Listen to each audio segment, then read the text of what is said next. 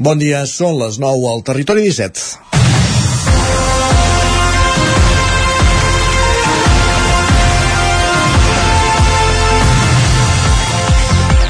Veure per creure.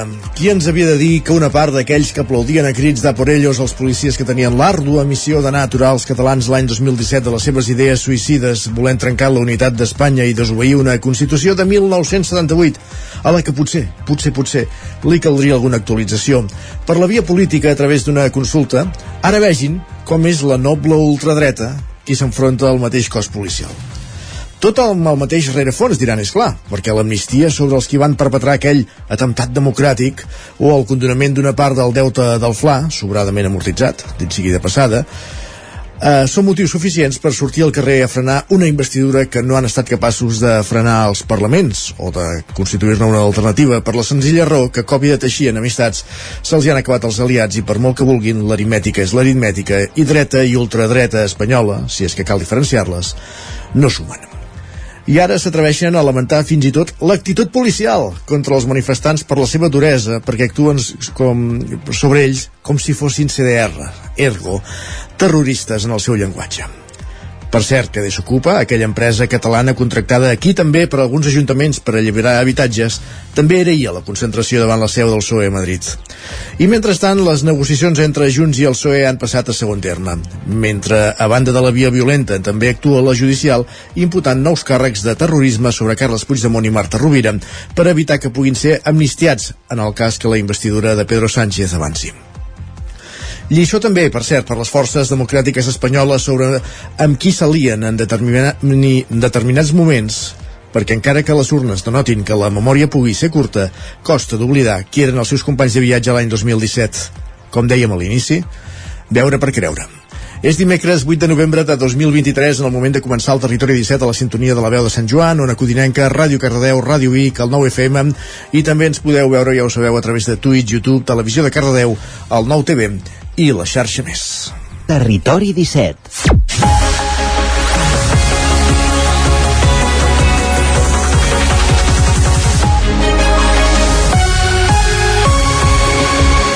Dos minuts i mig que passen de les 9 del matí d'aquest dimecres 8 de novembre de 2023 en el moment de començar el Territori 17 el magazín de les comarques del Vallès Oriental, l'Osona, el Ripollès, el Moianès i el Lluçanès que us fa companyia cada matí durant dues hores. Des d'ara i fins al punt de les 11 de quina manera, amb quins continguts? Doncs ràpidament avancem al menú del dia, avancem al sumari. Avui en aquesta primera mitja hora ens dedicarem a aprofundir en les notícies més destacades de les nostres comarques les notícies del Territori 17 en connexió amb les diferents emissores que dia a dia fan possible aquest programa. També farem un cop d'ull al cel amb el nostre home del temps, en, Pep, en Pep Acosta, que després d'haver entrat a la tardor astronòmica, de veure com començaven a baixar finalment les temperatures, diu que ara eh, s'acosta l'estiuet de Sant Martí. Per tant, tornarem a treure'ns el jersei i a parar les calefaccions, en fi, tot plegat. El temps és boig, ja fa dies que, ho anem veient. Uh, més qüestions, després del temps passarem pel quiosc amb en Sergi Vives repassant les portades dels diaris d'aquest matí de dimecres. A partir de dos quarts de deu pugem al tren a la Trenc d'Alba amb l'Isaac Muntades, recollint les cròniques dels oferts usuaris de la línia de tren R3, la Barcelona Granollers Vic, Ripoll, Puigcerdà, i a l'entrevista no ens movem del Ripollès, ens anarem fins a la veu de Sant Joan per conversar amb David Verge, que és l'alcalde de Planoles, municipi ripollès, que acollirà el proper 18 de novembre la Fira de Micropobles. D'aquesta fira en parlarem, com dèiem, amb l'alcalde de Planoles, avui a partir de dos quarts de deu al territori 17, i acte seguit eh, sortirem a l'exterior i ens n'anirem fins al Moianès. Qui s'hi desplaça és en Roger Rams, des d'Ona Codinenca, per conversar amb en Francesc Molins, eh, un pastor que fa unes setmanes va aparèixer a la palestra de l'opinió pública anunciant que es declarava insumís davant l'administració davant el que considera la inoperabilitat del Departament d'Acció Climàtica eh, en casos com el seu, en petits ramaders, amb la mateixa línia que parlàvem fa poques setmanes amb, amb el col·lectiu de ramaders de, de Catalunya. Parlarem d'aquesta insumissió, de, de quin és el plantejament que fa davant l'administració Francesc Molins, de l'explotació alpines les, fa, les faixes de Mollà i, i quines, quines estan les reaccions que ha recollit fins al moment perquè ens consta que ja ha tingut una primera reunió amb el departament després d'aquest anunci d'insumissió. Arribarem al, a les 10 a l'equador del programa, notícies, la previsió del temps i anirem fins a Ràdio Vic una setmana més amb la Laura Serrat, recollint nous testimonis al Solidari, als Solidaris i avui conversant amb Rosa Maria Moreno, presidenta de Carama, una entitat de Manlleu. I acabarem el programa endinsant-nos a Twitter amb en Guillem Sánchez, repassant el més destacat que hem trobat les pilades més destacades de les últimes hores. Avui toca el podcast de llengua amb la Cristina Enfruns, paraula d'Enfruns, i acabarem el programa amb el Lletra Ferits, i avui parlant de les dues peces més antigues que conserva l'Arxiu Històric Municipal de Sant Joan de les Abadesses, i no perquè sí, sinó perquè han tornat al seu lloc, en aquest Arxiu Històric Municipal. Una entrevista que ens acostarà eh, Joan Garcia, probablement per parlar a l'espai de literatura, a l'espai de llibres, dels dos llibres més antics que, que hi ha Sant Joan de les Abadesses. Aquest és el menú del territori 17 d'avui i ara, quan passen pràcticament 6 minuts de les 9 del matí, anem per feina, que si no farem salat, ens dediquem a aprofundir en les notícies més destacades de les nostres comarques, les notícies del territori 17, les notícies d'Osona, el Vallès Oriental, el Ripollès, el Moianès i el Lluçanès. Territori 17. L'Ajuntament de Vic aprova les ordenances i el pressupost del 2024, tot d'una tacada. L'equip de govern de Junts i Ara Vic, que està en minoria, ha tingut el suport del PSC, com ja es va anunciar la setmana passada, un acord, com dèiem, que ja s'ha presentat la setmana passada. Sergi Vives, el nou FM. Albert Palou, que ja va ser-ho al mandat passat, prenia posició com a regidor d'Esquerra Republicana al tram inicial del ple de l'Ajuntament de Vic d'aquest dilluns. Palou, número 4 de la, a la llista dels republicans a les últimes eleccions, substitueix a, a Josep Lluís Garcia. El plenari també va aprovar per unanimitat el nomenament per 5 anys més de Joan Sala com a síndic municipal de Greuges. Més tard arribarien els dos punts centrals d'una sessió que es va allargar més de 4 hores i mitja, les ordenances i el pressupost del 2024. L'equip de govern de Junts i Arabi, que està en minoria, ja va fer públic la setmana passada l'acord amb els dos regidors del PSC que li permet tirar endavant tant les ordenances com el pressupost. La CUP ho va criticar especialment. Escoltem la CUP, el cupaire Quim Soler i el socialista socialista Josep Pou. Bé, en tot cas, l'equip de govern ha preferit pactar amb el PSC. Un cop pacificat el país, oblidades les velaitats independentistes dels uns i 155 espanyolistes dels altres, torna la famosa socioconvergència. Sociovergència, perdó. Estem a Vic, estem parlant d'unes ordenances fiscals que pagaran els ciutadans i les ciutadanes d'aquí de Vic. Si no ens podem posar d'acord en què és d'interès de la ciutadania, bé, per part nostra ens posarem d'acord amb tothom que pensi en aquest sentit. Els copaires i Som Identitaris van votar en contra de les ordenances, mentre que Esquerra i Vic en Comú Podem es van abstenir. La regidora d'Economia, Núria Oms, assegurava que les principals puges, la de l'IBI amb un increment del 3,5% i la de les deixalles, que pugen al 7,5%, són moderades en el context actual. Per sort, l'Ajuntament de Vic eh, durant temps ha anat fent els deures i ha anat fent puges doncs, graduals, no? sobretot dels impostos i les taxes més importants, i per tant, avui sí que plantegem una, una taxa, ai, una puja d'un impost i d'una taxa concretament, però és una puja eh, molt sostinguda, pensem que molt ajustada. El que fa el pressupost de l'Ajuntament de Vic pel 2024 serà de 67 milions d'euros, un 12,6% superior al de l'any passat. Des del govern defensen que té com a grans eixos l'àmbit social, el creixement econòmic, la transició energètica i el foment de la convivència. Esquerra i la CUP, que hi van votar en contra, no estan d'acord amb les previsions pel mercat municipal, el Club Patí Vic o les polítiques d'habitatge. I encara al ple de Vic, on va tornar a regnar la tensió entre els diferents grups municipals, va ser en la moció presentada per la CUP de, de suport al poble palestí i que implicava la condemna de les accions d'Israel. La moció no va prosperar perquè l'equip de govern, el PSC i Som Identitaris hi van votar en contra. Entre moltes de les raons diuen que un ajuntament no té competències a nivell internacional a la gestió de conflictes. Així justificaven les raons d'aquest no Josep Pou, del PSC, Elisenda Carrera d'Arabic i Anna Alemany de Junts i aquest és un dels punts que nosaltres creiem que aquesta moció eh, té com a defecte, que és una moció que és de part i sent una moció que creiem que és de part, el nostre grup no haurà de votar en contra. Que els ajuntaments no tenen competència en matèria internacional de conflictes. Si en tinguessin, sens dubte, el panorama canviaria molt. Gràcies, alcalde. No podem votar a favor d'aquest text. Si es plantegés amb un punt de vista intermig, el nostre vot seria ben diferent. Gràcies, alcalde. Així doncs, la moció va comptar amb els vots a favor d'Esquerra, la CUP i Vic en Comú Podem.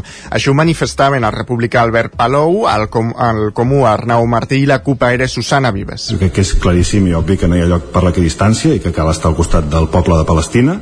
Votarem a favor i els hi demanem a la resta de grups que deuen tenir raons diferents però que tinguin un principi d'empatia. Ens deixa perplexes i és un símptoma gravíssim de deshumanització constatar que hi ha formació, formacions polítiques que normalitzin un autèntic genocidi. No acceptar avui la moció de, de, de condemna a les accions d'un estat colonitzador i assassí els fa vostès a tots vostès que han, que han votat en contra o s'han abstingut, directament còmplices d'aquesta ignomínia. D'aquesta manera, la moció va quedar rebutjada. Gràcies, Sergi. Eh, canviem de qüestió, anem fins a Cardedeu, allà ens espera un matí més l'Enric Rubio, Ràdio Televisió Cardedeu, perquè ja fa set anys que va néixer en aquest poble, en aquest municipi del Vallès Oriental, una iniciativa per combatre la soledat no volguda. Un espai on gent gran que la pateixen poden compartir estones diàries amb companys i gent que s'ha format en l'àmbit social. Enric Rubio, Ràdio Televisió Cardedeu. Bon dia, així és Isaac. El projecte Interactua neix l'any 2015 a l'Institut Pla Marcell de Cardedeu per oferir a la gent gran amb vulnerabilitat l'oportunitat d'interactuar tant amb persones de la seva edat com en joves.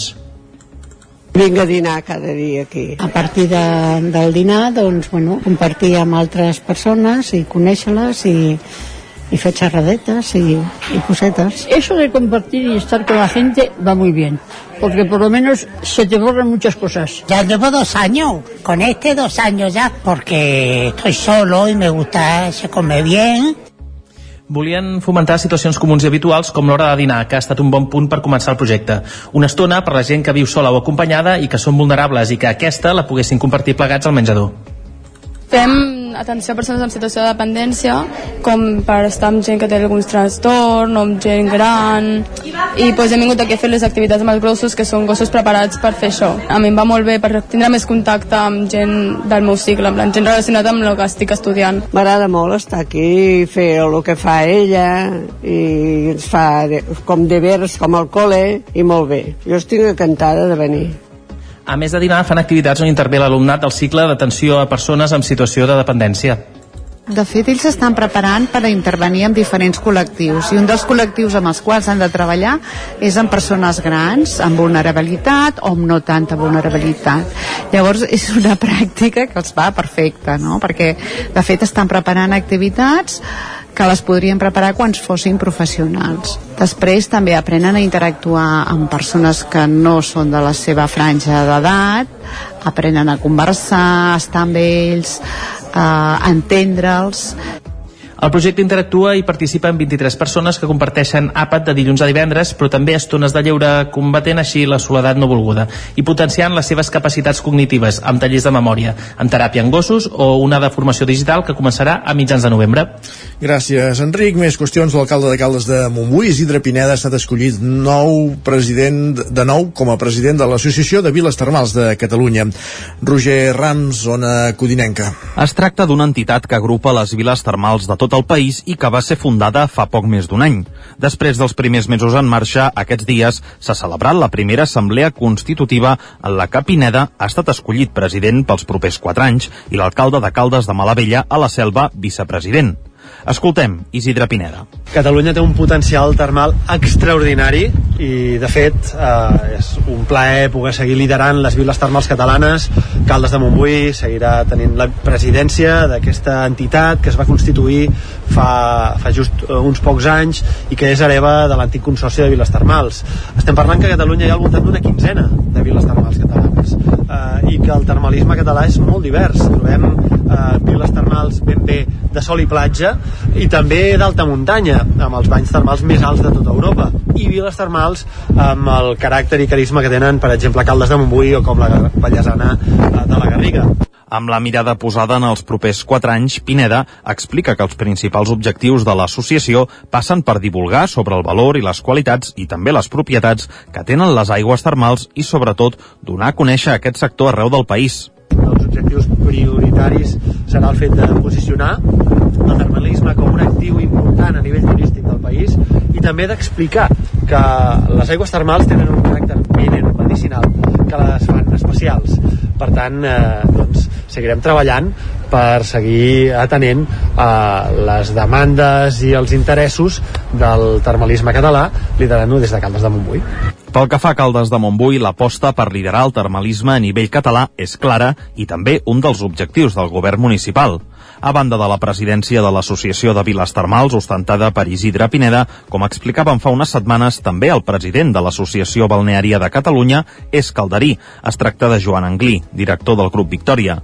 Segons expliquen tots dos presidents, la col·laboració entre entitats és molt estreta i es treballa amb l'objectiu comú de potenciar i donar a conèixer el sector del termalisme. I el Ripollès, l'Ajuntament de Sant Joan de les Abadesses arreglarà el sanejament del carrer Taga i restaurarà la façana de l'edifici de la Biblioteca Isaac Muntades, la veu de Sant Joan.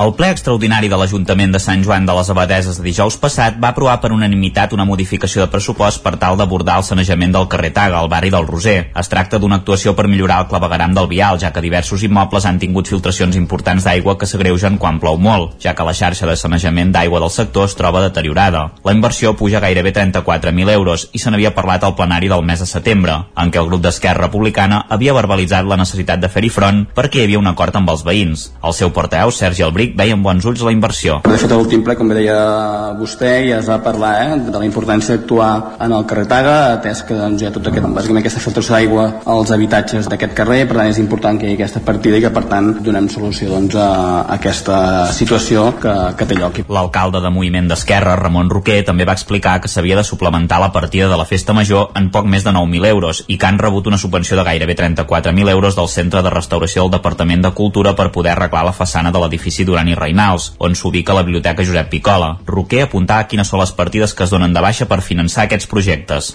S'anul·la el pressupost d'inversions del 2023 i es passen al pressupost del 2024 dues actuacions concretament vinculades a la instal·lació de plaques d'autoconsum, eh? bàsicament perquè aquestes actuacions, a aquestes alçades d'any, no s'executaran aquest any i per tant es podran es poden passar en el pressupost de l'any que ve, entenent que la Diputació ens ha de redactar el projecte de la instal·lació d'aquestes plaques i, i, per, i per altra banda la subvenció que van vinculades a aquestes instal·lacions ens permeten passar perfectament aquestes inversions al, al 24. Esquerra també veia bé que restaurés la façana de l'antic edifici de l'Abadesa Emma.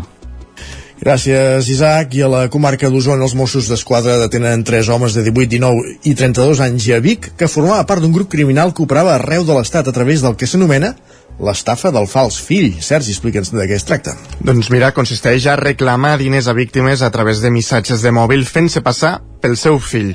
L'actuació dels Mossos va tenir lloc dijous passat i es va detenir 14 persones més a la resta de Catalunya. En total, el grup ha estafat més de 60.000 euros a víctimes d'arreu del territori. Dels detinguts, 12 van quedar en llibertat després de declarar i els altres 5 van passar dissabte a disposició judicial. A banda de les detencions, es van intervenir uns 2.000 euros en efectiu. I encara en l'àmbit dels successos també s'han detingut 21 persones com a presumptes autores de delictes de pertinença a organització criminal i contra la salut pública. S'han desmantellat diverses plantacions de marihuana a diferents punts de Catalunya, entre els quals una a Rupit. Es tracta de dos entramats criminals especialitzats en el cultiu i distribució de marihuana al Pirineu català per valor de 49 milions d'euros. En total s'han destruït 27.000 plantes en plantacions a l'aire lliure com la de Rupit, situades a 5 comarques diferents que suposarien en total 8,1 tones de droga. En tots els casos s'ubicaven en punts de difícil accés i s'hi han trobat elements que indiquen que diverses persones hi han fet vida durant un període indeterminat de temps per fer-se'n càrrec. També hi han localitzat zones diferenciades de cultiu per assecar, per envasar la marihuana i un punt de captació d'aigua en un riu proper. I un últim apunt de la plana cultural, perquè la Biblioteca Caterina Figueres de Tona ha tornat a obrir les portes després de tancar fa més d'un any i mig per les obres de remodelació i ampliació de l'espai. L'equipament ha pogut tornar a obrir malgrat fer-ho amb serrells i és que encara hi falten elements de mobiliari. L'Ajuntament, però, ha decidit no endarrerir-se més l'obertura.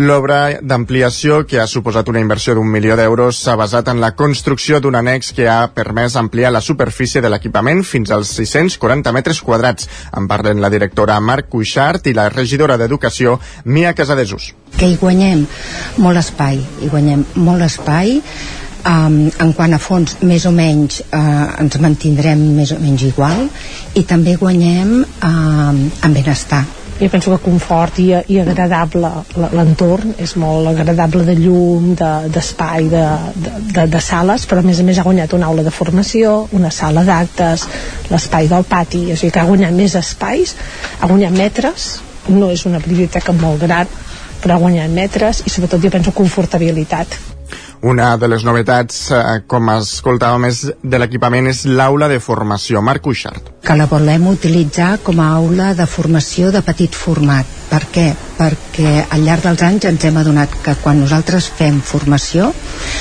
té més bons resultats si ho fem amb grups més reduïts que no pas amb grans grups. A partir d'ara la biblioteca estarà oberta cada tarda de dilluns a divendres de 3 a 8 de la tarda i els matins de dimecres a dissabte de 10 a 2 quarts de dues. Doncs aquí acabem aquest repàs informatiu que començava amb el punt de les 9 en companyia d'Enric Rubio, Sergi Vives, Roger Rams i Isaac Muntades, movent el territori 17 pel temps. Per tant, sense més demora, tornem a una codinenca.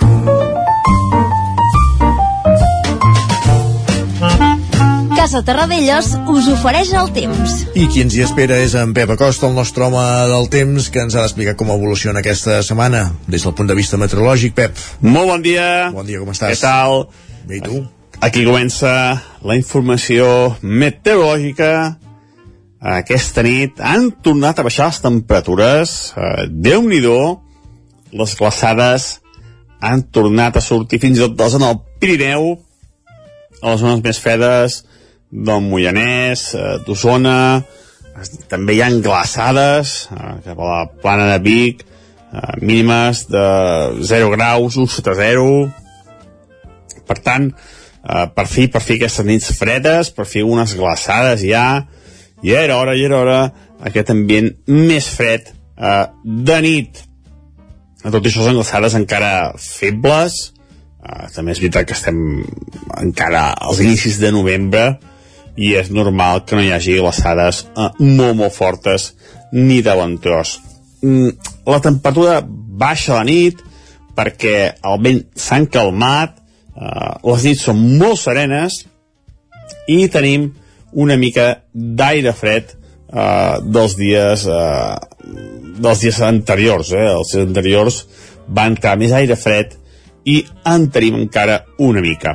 Però aquest panorama aviat canviarà, eh? canviarà i les temperatures mínimes pujaran. Però anem a pams, anem a pams. Avui, de moment, serà un dia uh, força tranquil, uh, aquesta nit, com deia, n'hi ha quasi cap núvol, molta tranquil·litat, uh, bastant de fred, i el dia d'avui serà gairebé igual.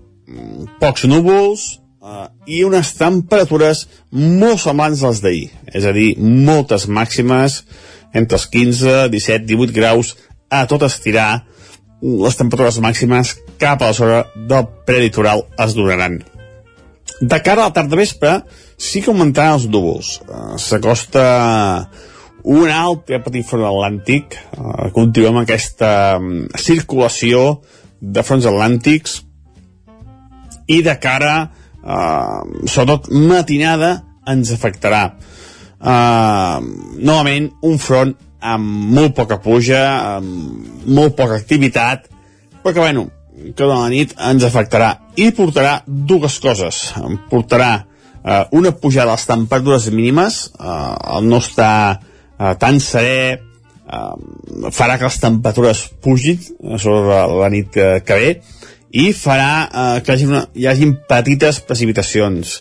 Eh, poden afectar eh, a, qualsevol, a qualsevol població a qualsevol comarca però seran eh, pluges molt febles. Potser no és una mica més intenses cap a la zona del Pirineu però en cap cas jo crec que superaran els 5 litres eh? per tant ja veieu quines precipitacions, més i més febles.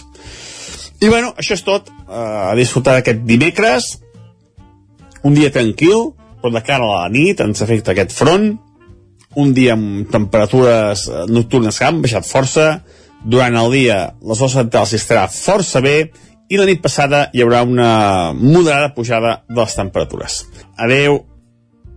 Gràcies, Pep. Parlem d'aquí una estoneta. Avancem al territori 17. Anem ràpidament cap al quiosc.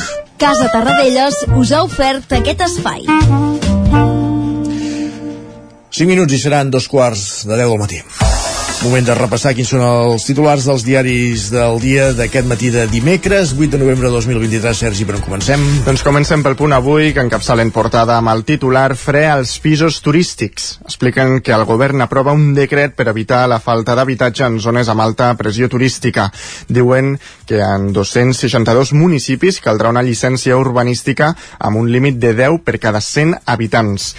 L'Alt Periódico diu que la llicència de pisos turístics deixarà de ser perpètua. Expliquen que la Generalitat obligarà a tenir un permís urbanístic que s'haurà de renovar cada 5 anys. També diuen que l'extrema dreta mira d'apropiar-se de la protesta contra l'amnistia. Expliquen que el PP es desmarca de la presència de Vox davant de la seu del PSOE, mentre el malestar pels acords d'investidura s'escampa. La Vanguardia diu que Portugal entra en crisi després de la dimissió de Costa per presumpta corrupció.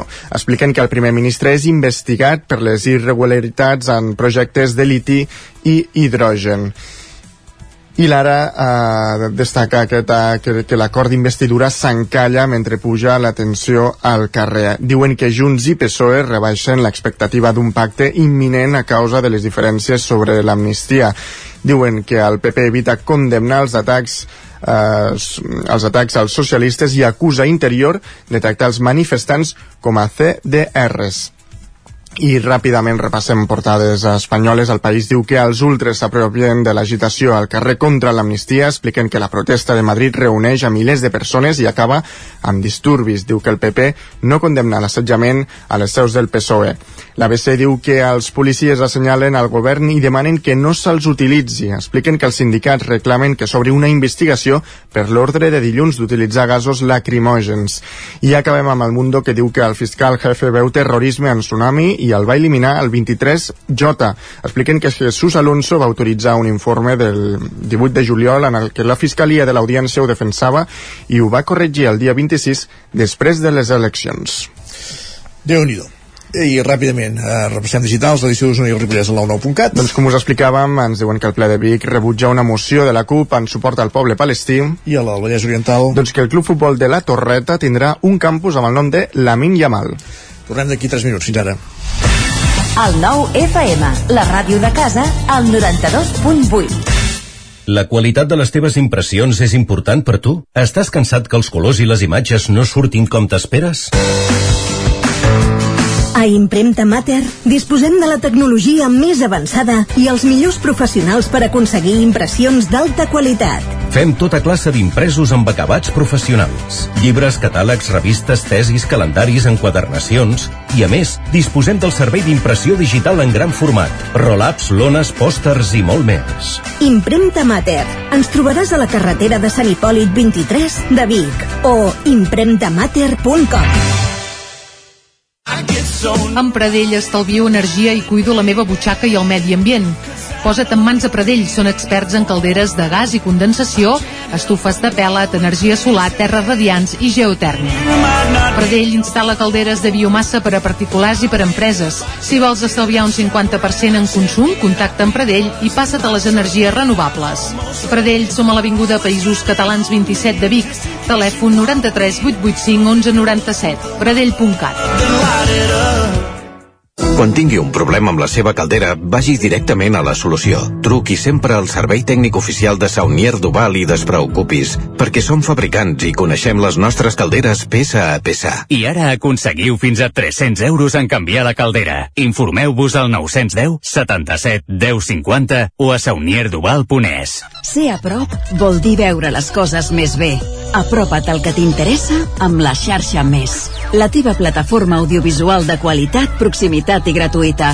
Gaudeix dels continguts de més de 30 televisions locals i podcast quan, com i on tu vulguis. Entra a la xarxa més.cat i descarrega't l'app. L'infopodcast del 9-9 amb Sílvia Pedret. Cada dia et donem les claus de les notícies més rellevants de casa nostra. Vivim en una comarca que s'està demostrant pionera en. Desperta't cada dia amb l'infopodcast del 9-9. Aquesta setmana tornen a ser notícia els pantans perquè han baixat... El trobaràs a dos quarts de vuit del matí al 99.cat, Spotify, iVox i, si ho vols, te l'enviem directament al mòbil. Subscriu-te als canals de WhatsApp i Telegram del 99. Soc Sílvia Pedret. Comencem.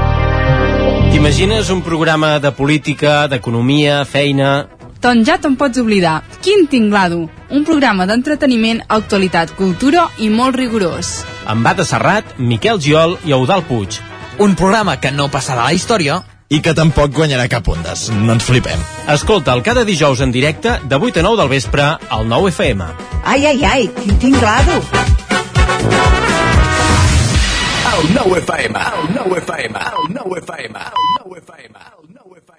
Territori 17.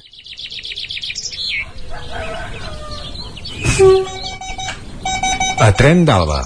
Cada dia els usuaris i usuàries de la línia R3 de Rodalies que veuen sortir el sol des d'un vagó ens expliquen les gràcies i les penes del primer comboi que uneix Ripoll i Barcelona o les feixugues jornades amb el tren després de treballar. Benvinguts a Tren d'Alba. Embolica que fa fort. Els comitès d'empresa de Renfe i Adif han acordat convocar 5 dies de vaga, el 24 i 30 de novembre i l'1 i el 4 i el 5 de desembre en unes reunions que es van produir aquest dimarts. Aquestes reunions extraordinàries es van convocar arran de l'acord entre el PSOE i Esquerra Republicana de Catalunya la setmana passada per traspassar Rodalies a la Generalitat. Els sindicats van carregar contra aquest pacte per la manca d'informació sobre les condicions laborals de la plantilla, tant de l'operador com de l'administrador de la infraestructura. El Ministeri va defensar que és només un acord polític que en aquests moments no parla d'aspectes tècnics sobre com es farà el traspàs de competències entre les dues administracions. Alhora, el govern va assegurar que es garantiran les condicions laborals de tots els treballadors i també es va comprometre amb les organitzacions sindicals per explicar com es farà el traspàs i que la gestió continuarà sent 100% pública. Sembla que si es queixen tant vol dir que sí que es descentralitzarà i que potser es perden alguns privilegis. En tot cas, serà difícil diferenciar els dies de vaga dels que no ho són, perquè els trens solen anar malament sempre. Va, ens retrobem demà amb més històries del tren i de l'R3. Territori 17. Minut i mig que passen de dos quarts de 10 del matí.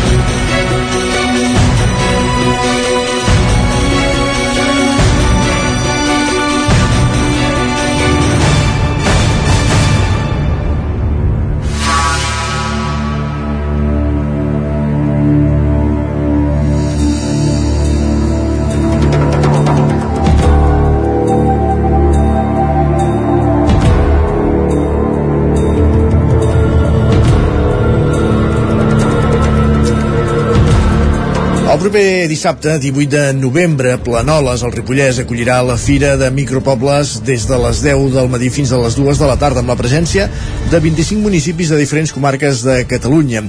I avui volem saber de, en què, de què consistirà aquesta fira. Isaac Montades, des de la veu de Sant Joan. Bon dia, Isaac. Doncs sí, i qui millor que per parlar-ne que l'alcalde de Planoles, en David Verge, que ens en donarà tots els detalls. Bon dia, David, i moltes gràcies per ser amb nosaltres al Territori 17.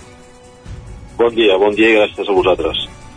Uh, sembla obvi per començar, alcalde, però m'agradaria saber uh, què és un micropoble, quina és la, de, la definició, perquè a la comarca del Ripollès em sembla que n'hi ha forces i una mica quants n'hi ha arreu de, de Catalunya i no sé doncs, si la, la província de Girona també és la, la que més en té. Doncs mira, micropoble eh, al principi es va definir com aquells pobles amb menys de 500 habitants. Val? El que passa que fa, fa un parell d'anys es va ampliar aquells pobles eh, que tenien també menys de 1.000 habitants i on tenien o nuclis dispersos o pèrdua de població. Per tant, aquesta és la definició micropoble. Al Ripollès eh, n'hi han bastants, eh, dels 19 municipis, eh, 13 són 13 són micropobles, per tant, un, un 70% dels municipis del Ripollès són micropobles. De totes maneres, en aquesta fira ara ho dèiem que n'hi venen 25, per tant són un, una representació dels que hi ha a Catalunya perquè intuïm que n'hi ha alguns més. Eh, com, eh, això qui, quins són els que venen? Per exemple veiem que no n'hi ha cap de la província de Tarragona per, per algun motiu? Bé, l'edició d'enguany de, de, en venen efectivament 25 de, de 13 comarques de, de Catalunya. Eh, venen de Pla d'Estany, Garrotxa, La Selva, Moianès, Anoia, Berguedà i de la província de Lleida, doncs, eh, bueno, de les Garrigues, Sagarra. Efectivament, de Tarragona no ve ningú, però bé, això depèn de, vegades potser la distància fa que, que aleshores costi una miqueta més, encara que en venen de Lleida, però que no vinguin gent de Tarragona no, no, vull dir, no, no té cap, diguem, motiu en concret, eh? Mm -hmm. Aquesta fira, David, no sé si fa molts anys que es fa o és relativament nova i, i sobretot com va sorgir l'oportunitat de, de fer-la venir cap a Planoles? Doncs mira, és el segon any que es fa, l'any passat va ser el primer, es va fer a, a l'Estany, que és on està la seu de, de micropobles, i l'any passat van venir un, unes 16, un, uns 16 municipis i aquest any en vindran 25 eh, per tant la veritat és que estem molt contents de que, de que en vinguin eh, pues això, 25 municipis de micropobles de tot, de tot Catalunya i, i tindrem unes entre, jo crec que tindrem unes 30, unes 30 carpes. Uh -huh. eh, diguem que uh -huh. a tota la fira hi haurà unes 30 carpes. Uh -huh. uh... I a Planoles, doncs, eh, eh, doncs ens hi vam presentar ens hi vam presentar per, per poder fer aquesta fira i al final ens van escollir uh -huh. com dèiem una fira que naixia l'any passat a, a l'Estany, al Moianès, sí. segona edició ara al Ripollès a, a Planoles. Si no tenim mal entès, alcalde pertany en aquesta junta de, de l'Associació de Micropobles de, de Catalunya. Quines són les seves tasques, quines són les seves funcions dins la, aquesta junta? Doncs efectivament la nova junta que es va constituir doncs, fa 3 o 4 mesos eh, jo en soc tresorer i a part estic dintre de la, la, la Suïssa Micropobles tenim diverses sectorials hi ha una sectorial que és la de territori jo estic dintre de jo lidero la que és la comissió d'habitatge Uh -huh. uh, precisament, eh, mira, ja que parla d'habitatge, alcalde, a Planoles, un dels principals problemes que tenen precisament és, és l'habitatge, que de fet és un, un, un d'aquells mals endèmics no, que ja arrosseguen des de fa temps. Uh, precisament hi ha un projecte a Planoles, que és els pisos de, de la collada de Toses de, del Mopo, sí. uh, que, que es volen convertir en, en això, en, en habitatges perquè puguin uh, fer-lo servir les persones que no quedin com un magatzem buit o, o pisos buits, sí. que és el que hi ha actualment. Uh -huh. uh, és un dels projectes això que portau des de, des de l'inici del vostre mandat eh, que, que es va treballant que s'hi ha treballat des del principi no sé si anem cap a un desenllaç eh, pròxim, com, com ho veieu? Doncs bé, efectivament l'habitatge és programa de planoles i de pobles de, dels micropobles i del Pirineu i en general de Catalunya. Eh, en aquest cas en concret d'aquestes 12 vivendes que tenim a la Culla de Toses, que porten més de 25 anys, més de 25 anys tancades, on a, en els garatxos de sota les vivendes hi ha les màquines llevaneus i de manteniment de la Nacional 260. Um, aquest edifici, que és, que és propietat del Ministeri d'Hisenda, um, i, i, que ho gestiona, i que ho gestiona el Ministeri de Transports, dintre de dos anys ja el deixen. Això és el que sabem segur. Se'n van d'allà. I, de fet, uh mhm. -huh. estan ja fent el projecte de la nova nau en el, en el terreny que, que vam arribar a un acord amb el Ministeri de Transports que és on tenirien ells, que és un terreny que està al polígon Niubó de Camp de Bànol. I el projecte ja l'estan fent sobre aquest terreny. Aleshores, ara, això com està? Doncs el Ministeri d'Hisenda ens ha demanat una, una tassació d'aquest terreny. I esperem que, que diguem, en, en, en, en breu tinguem aquesta tassació per part dels propietaris d'aquest terreny i a partir d'aquí hem d'arribar a un acord amb la permuta amb el Ministeri d'Hisenda de, de Madrid. Mm -hmm i esperem que això, és... pues, el desenllaç, està clar. El que està clar és que dintre de dos anys eh, allà ja no hi seran. Per tant, aquí entre tots, Hisenda de Madrid, Generalitat de Catalunya eh, i nosaltres com a Ajuntament, entre tots hem de posar els màxims esforços perquè aquests 12 pisos, dintre de dos anys, ja hi hagin 12 famílies visquent-hi. Uh -huh. És un procés que això que dèiem, eh, que s'ha allargat però que finalment sembla que, que ja va veient la, la llum del túnel perquè s'han produït passes en aquest sentit. Mm, tornant un moment a, a la Fira, David, eh, sí. ja, has, has comentat que hi haurà com unes 30 carpes eh, d'estants sí, sí. i parades de, dels diferents micropobles. Què portaran exactament? Què hi podrem veure en aquests estants? Quina, quina informació o productes hi, hi haurà? Doncs eh, bé, cada, cada micropoble portarà mm, o informació, informació turística i també, i també productes de, de, del, seu, del seu micropoble. Per exemple, tindrem oli de la Granadella, o tindrem formatge i carquinyolis de les Lloses, o, o embotits i carquinyolis també de Planoles, o, o llibres de la història de Susqueda, o, o vermut de saque de Josa i Tuixent, és a dir, que cada, cada municipi portarà... Eh, després també hi haurà informació sobre, sobre l'escola rural de, de, de Planoles i, i Vallfogona, d'aquí del Ripollès.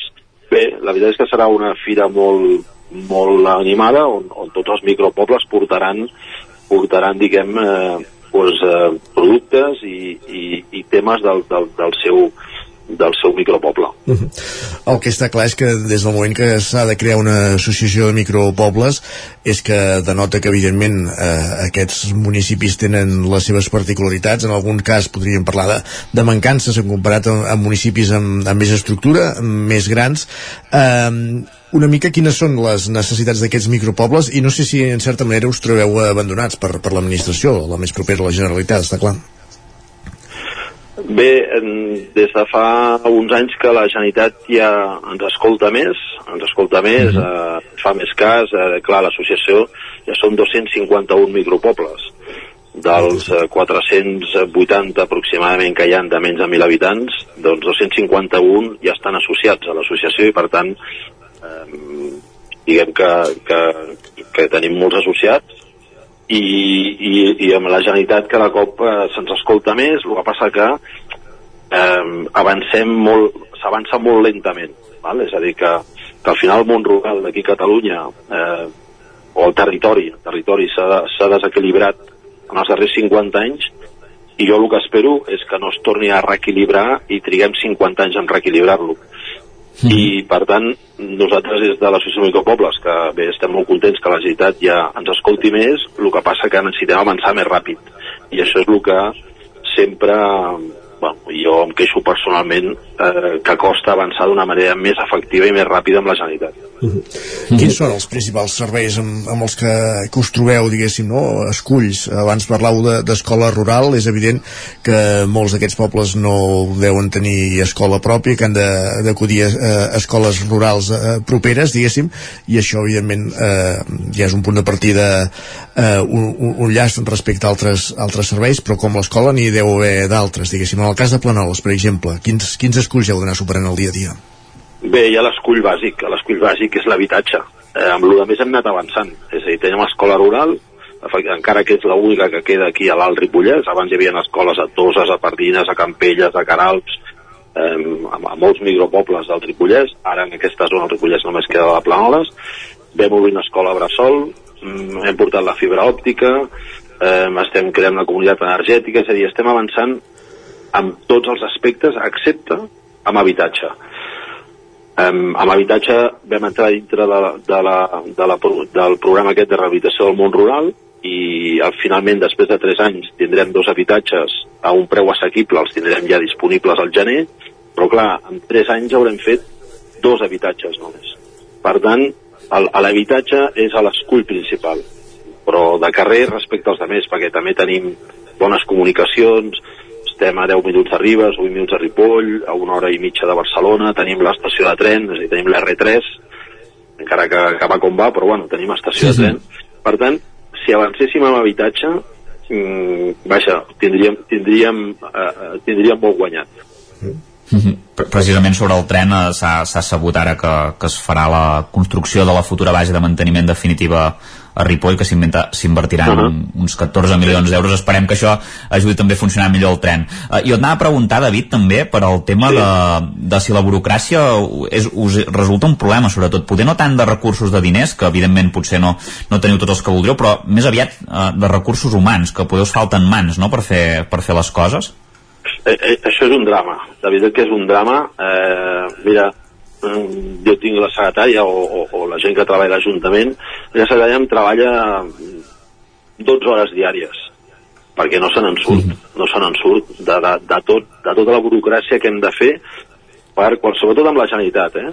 sobretot per les subvencions, per tot el tema de, ara, per exemple, la rehabilitació aquesta que hem fet del món rural, aquests dos habitatges, també tots els, tota la documentació que hem, que hem hagut d'omplir, justificants, és, és un drama. La veritat és que és un drama i, i no ens en sortim. I ja t'ho dic, la Satalla a mi em treballa 12 hores diàries, la compartim amb, amb Toses i, i, i, i amb la Generalitat la veritat és que tindria que fer un esforç de disminuir aquesta burocràcia. Els, els pobles petits de veritat que no ens en sortim. No, no, bueno, si ens en sortim, doncs, eh, doncs això, treballant 12 hores diàries.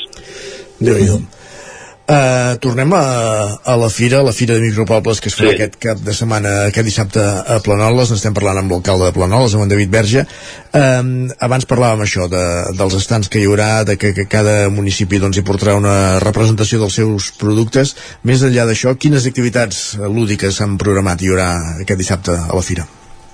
Doncs hi ha, hi ha alguns eh, municipis que portaran activitats, eh, per exemple, eh, Riu, Riu d'Aura, eh, Riu d'Àrab, doncs, uh mhm. -huh. que és un, és un municipi de, de la Garrotxa. De la Garrotxa, no? Doncs, uh mhm. -huh. Sí, de la Garrotxa, doncs portarà eh, una, presentaran un festival que es diu Des d'aquí estan, veig una estrella, que està dedicat a la, a la cançó de, tra de tradició oral participativa.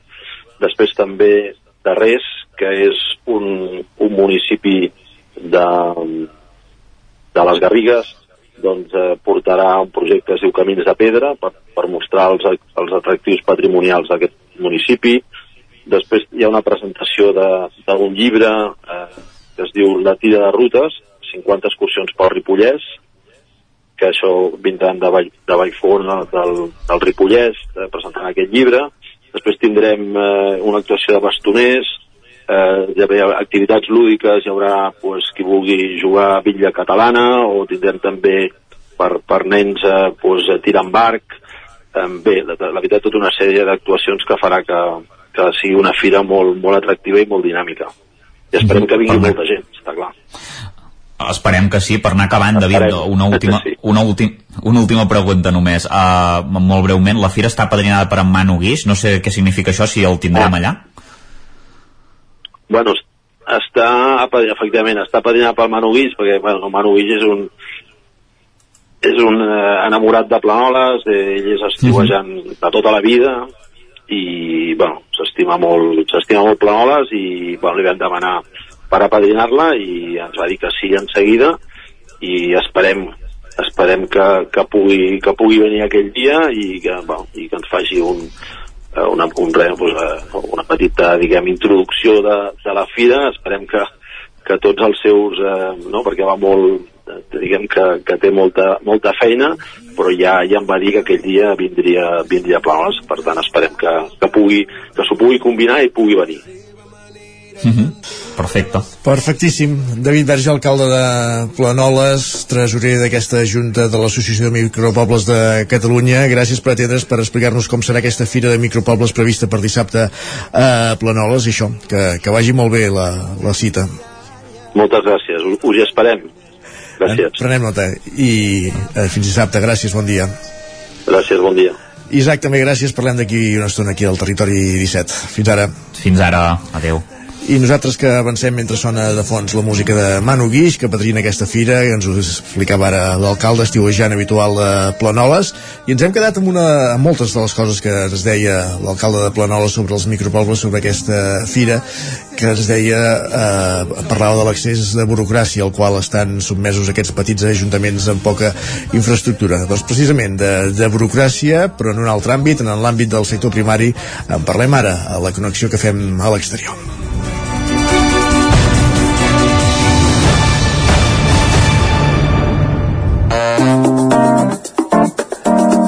Territori 17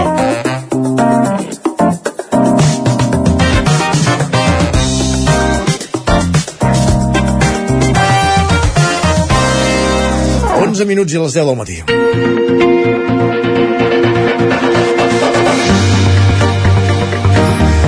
Avui sortim de l'estudi i ens desplacem fins al Moianès, ho dèiem a l'inici del programa, en concret a la masia Alpines Les Feixes de Moià, una granja que elabora llet de cabra i derivats, per conversar amb en Francesc Molins, conegut en les darreres setmanes com el ramader insumís. I és que després de 12 anys al cap davant d'aquesta explotació ramadera de, de vacú de cabra, en Francesc es declara insubís davant l'administració, davant l'excés de burocràcia exigit als ramaders i pagesos des de les administracions.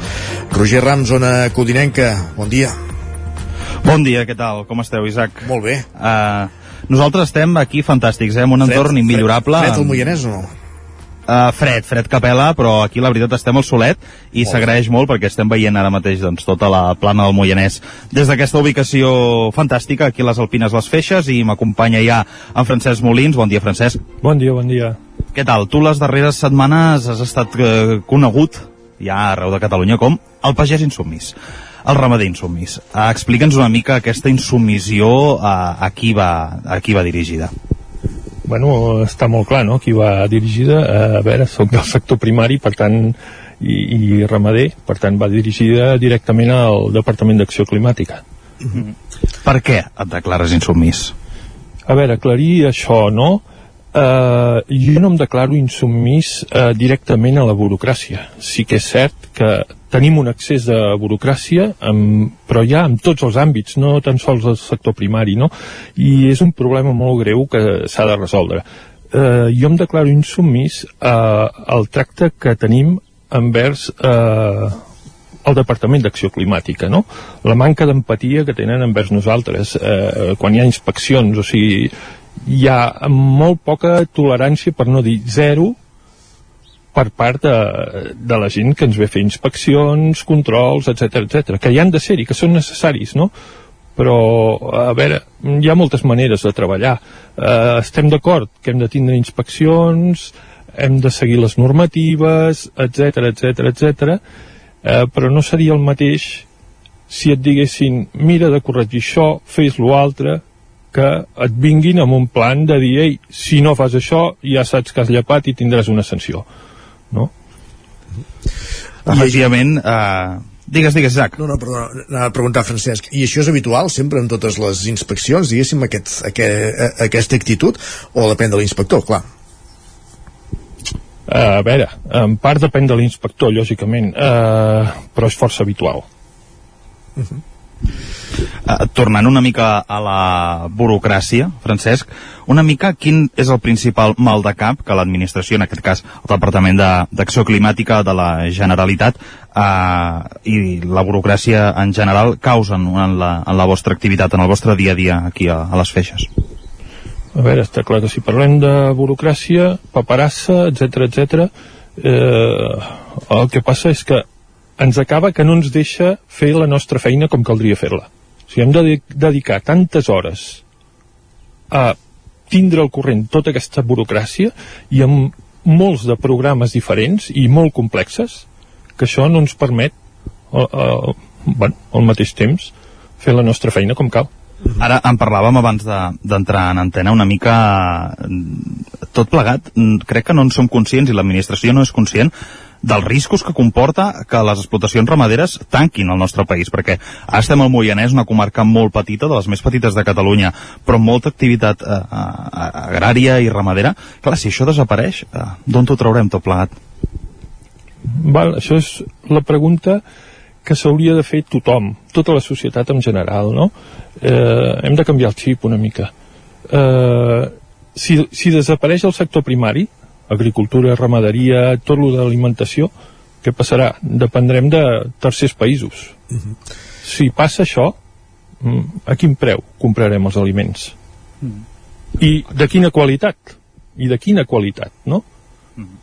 Per tant, tot això que, que s'omplen una mica la boca, no?, d'acció climàtica, de canvi climàtic, de sobirania alimentària, que són aquests conceptes que estan a l'ordre del dia, però que al final, a la pràctica, doncs es troben a, a, a, el que ens estàs explicant tu. Sí, sí, certament. A la, a la pràctica el que passa és que no es recolza ni es facilita lo suficient al sector primari perquè treballi, es desenvolupi bé i es guanyi la vida. Mm -hmm. Francesc, Crec que la pregunta és... Digues, Isaac. No, no, perdona, perdoneu. Anava a preguntar una mica, conèixer el, el vostre cas, no? I què implica tot plegat? Eh, abans parlàvem d'aquesta càrrega burocràtica, però també podem parlar de, de les inspeccions o, o de les reclamacions que es facin des de l'administració en què caldria millorar. Eh, en el dia a dia d'una explotació com la vostra, una mica explicar les característiques de, de l'explotació què dediqueu al que és l'activitat en si i què heu de dedicar eh, això, a atendre el departament i, i a posar-se al dia en tots els, els àmbits que, que reclamen Sí, a veure, lògicament de, dediquem tot el temps que podem a la nostra feina, no? En aquest cas, eh, la nostra eh, és cuidar de les cabres, munyir les cabres cada dia, matí i vespre, i elaborar aquella, aquella llet que, que produïm i eh, alhora distribuir-la, no? Distribuir els productes durant la setmana. Uh -huh. eh, clar, que ens trobem que entremig hi ha tota la paperassa, no? Jo cada cop que entro, per dir-te alguna cosa, ara, eh? Entro a l'obrador, haig d'omplir una fitxa de la llet que entra, amb què l'elaboro, amb, haig de posar les dates, les temperatures, etc etc etc. O sigui, tot un full molt complex, no? Quan eh, sent eh, obradors petits com els nostres, lo fàcil seria dir eh, apunteu només les errades, per dir alguna cosa, no? Si hi ha hagut alguna incidència.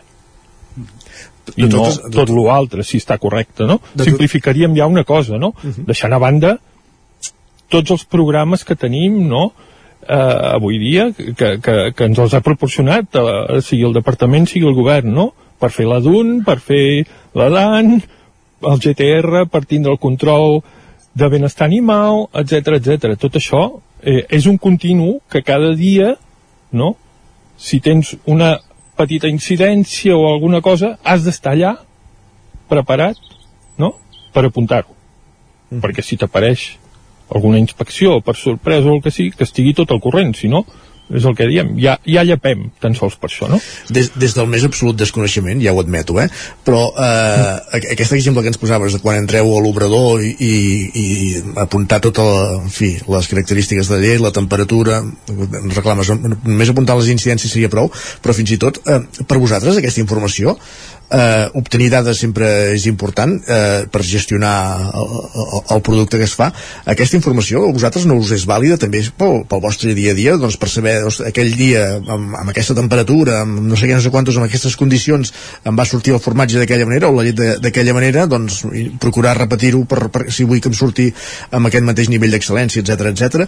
Tota aquesta informació a vosaltres no us és vàlida o, o, o és sobrera, és excessiva diguéssim? No, és que, és que ja no té res a veure amb amb com surt el producte elaborat, eh, tota aquesta informació. O sigui, aquesta informació al final eh, sí que és cert que va de cara a traçabilitat del producte, que hi ha de ser-hi per si hi ha alguna posterior incidència, però això són quatre dades bàsiques que podríem estar notant, no? O que quan fas una venda, no? Ja fas una factura. Per tant, ja et consta el lot que has servit i tot. No cal, tampoc, tindre-ho allà per duplicat en altres llocs. Uh -huh. M'explico? Perfectament. Mm. És una mica la, la crida a la simplicitat, no? una mica a, a descomplicar-ho tot plegat. Francesc, la pregunta és obligatòria, ho dèiem abans, hem parlat del teu cas, hem parlat del sector primari, ara hem de parlar de l'altra banda, el Departament de Territori i de, o d'Acció Climàtica, en aquest cas de la Generalitat de Catalunya, eh, quina resposta ha tingut quan ha vist la teva insubmissió pública, diguem així, i si s'han assegut a parlar amb tu? Bueno, està pendent això, eh, ja, ja arribarà en breu, eh, i ja heu vist que hi ha hagut també accions per part del de, col·lectiu de ramaderes, de les companyes ramaderes, no?, que sí que per ràdio han tingut eh, resposta amb la, amb la directora del departament. Hi ha hagut alguna resposta així breu, no? Si no hi ha una reunió prevista dijous, però sí, a més a més. Correcte. Uh mhm. -huh. Més, més enllà d'aquesta resposta breu, eh, han proposat alguna solució? És a dir, o serà més del mateix? Tu que, com, com ho veus? Prèviament, evidentment, a, a que es produeixi aquesta trobada, eh? Bueno, la resposta que jo veig ara com ara és que hi treballarem, no? I aquesta resposta fa molts anys que la sentim. Ja no s'hi val, i treballarem. Mm, S'han de començar a palpar coses, que hi hagi fets. Mm. Si no, no, no arribem enlloc. I vosaltres que esteu trepitjant dia a dia el, el terreny i, i que això al final és casa vostra, una d'aquestes solucions per on diríeu que passa? És a dir, qui, quin és el primer punt que s'ha d'abordar perquè hi hagi entesa entre el departament i els ramaders? simplificar, simplificar mm, a veure, eh, sempre ho hem dit nosaltres eh, som conscients que necessitem tots aquests controls eh, que hi ha una certa burocràcia que hi ha de ser-hi però s'ha de simplificar simplificar molt, hi ha moltes duplicitats en molts programes i no n'hi ha cap necessitat. O per anar més enllà eh, podem dir que fins i tot hi ha lleis de l'any 2003 que ens les estan aplicant efectes d'avisos, notificacions o sancions, no? quan estem parlant de 23 anys enrere, eh, i han passat moltes coses, o sigui, hem digitalitzat molt tot, per tant, ens estan aplicant aquestes normatives a, a efectes de coses que ja les té el departament en els mateixos programes, no? Mm -hmm. Això és el que el primer punt d'entesa seria. Uh -huh. I quines conseqüències creus que pot tenir el fet de, de fer aquesta, aquesta insumissió, si és que en pot tenir alguna, o, o creus que, amb, o creus que, que amb, amb, les bon, amb, la, amb les bones maneres de fer, amb les bones intencions es pot reconduir la conducta? Sí, s'ha de reconduir eh, tot una mica. Jo crec que efectes secundaris directament a mi no n'haig de tindre cap ni un. Eh, o sigui, jo en cap cas, és el que dic, no? No em nego a tindre inspeccions, no em nego a seguir omplint tota la paperassa que ens exigeixen. Sí que, per part de burocràtica, sí que exigim, ja no dic eh, a, a nivell particular, exigim en general que s'alleugeri molt la burocràcia, no? Però, mm, bueno, no, no és el que dic, uh, estem en aquest punt ara, s'ha de resoldre això. Esperem que, que així sigui. Uh, Francesc Molins, moltíssimes gràcies per acompanyar-nos aquest matí per explicar-nos la teva situació a, a l'antena de, del territori 17 uh, en companyia d'en Roger Rams. Roger també moltes gràcies. Gràcies a, a tots gràcies, dos i ho anirem gràcies seguint. ho anirem seguint perquè està clar que, que val la pena veure, veure com, com evoluciona aquesta situació aquesta denúncia que, que d'una banda feia en Francesc Molins però al cap d'una setmana també feia com bé, bé apuntava el col·lectiu de, de ramaderes de, de Catalunya. Bon dia Bon dia fins ara. Nosaltres que avancem al territori 17 i ara quan, quan passen dos minuts de les 10 del matí és moment d'actualitzar-nos, de posar-nos al dia amb les notícies d'aquest matí de dimecres 8 de novembre de 2023.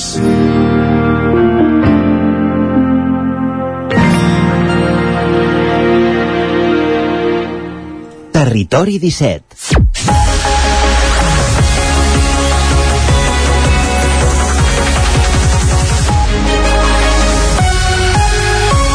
Dos minuts i mig que passen de les 10, Ripoll vol que la Generalitat col·loqui pantalles acústiques a la variant de la C-17 per evitar sorolls de trànsit als veïns. Isaac Montades, des de la veu de Sant Joan, anem ràpidament cap a la veu, allà ens espera l'Isaac Montades per ampliar-nos aquest titular que donàvem sobre les pantalles acústiques que Ripoll demana que es posin a la C-17, Isaac. L'Ajuntament de Ripoll va aprovar per unanimitat una moció del PSC que demanava la col·locació de pantalles acústiques al desviament del Calvari a la variant de la C-17. De fet, després de debatre's al ple, l'alternativa Iniciativa per Ripoll CUP va sol·licitar que s'ampliés l'aïllament acústic tot el quilòmetre i mig de la variant que enllaça l'entrada sud de Ripoll a Cal Déu fins a la rotonda de la Font del Sant, a l'entrada nord de la vila en direcció a Can Davano. Una petició que es va acceptar. La regidora socialista Anna Belén Avilés apuntava que en els darrers temps hi ha diversos estudis universitaris, avisos de l'Organització Mundial de la Salut i informes de l'Agència de Medi Ambient de la Unió Europea que sustenten que el soroll del trànsit és perjudicial per a la salut. A Ripoll, la C-17 es bifurca cap al carrer Progrés per anar a Sant Joan i a la vall de Camprodon i cap a la variant de de la C-17 en direcció Camp de Bànol i la Vall de Ribes. Són dues zones molt tensades pel trànsit. Per aquest motiu, Avilés demanava col·locar-hi pantalles acústiques no més tard del 2025. A més, en aquella zona hi ha una altra casuística que ho agreuja. En aquesta zona del Calvari hi havia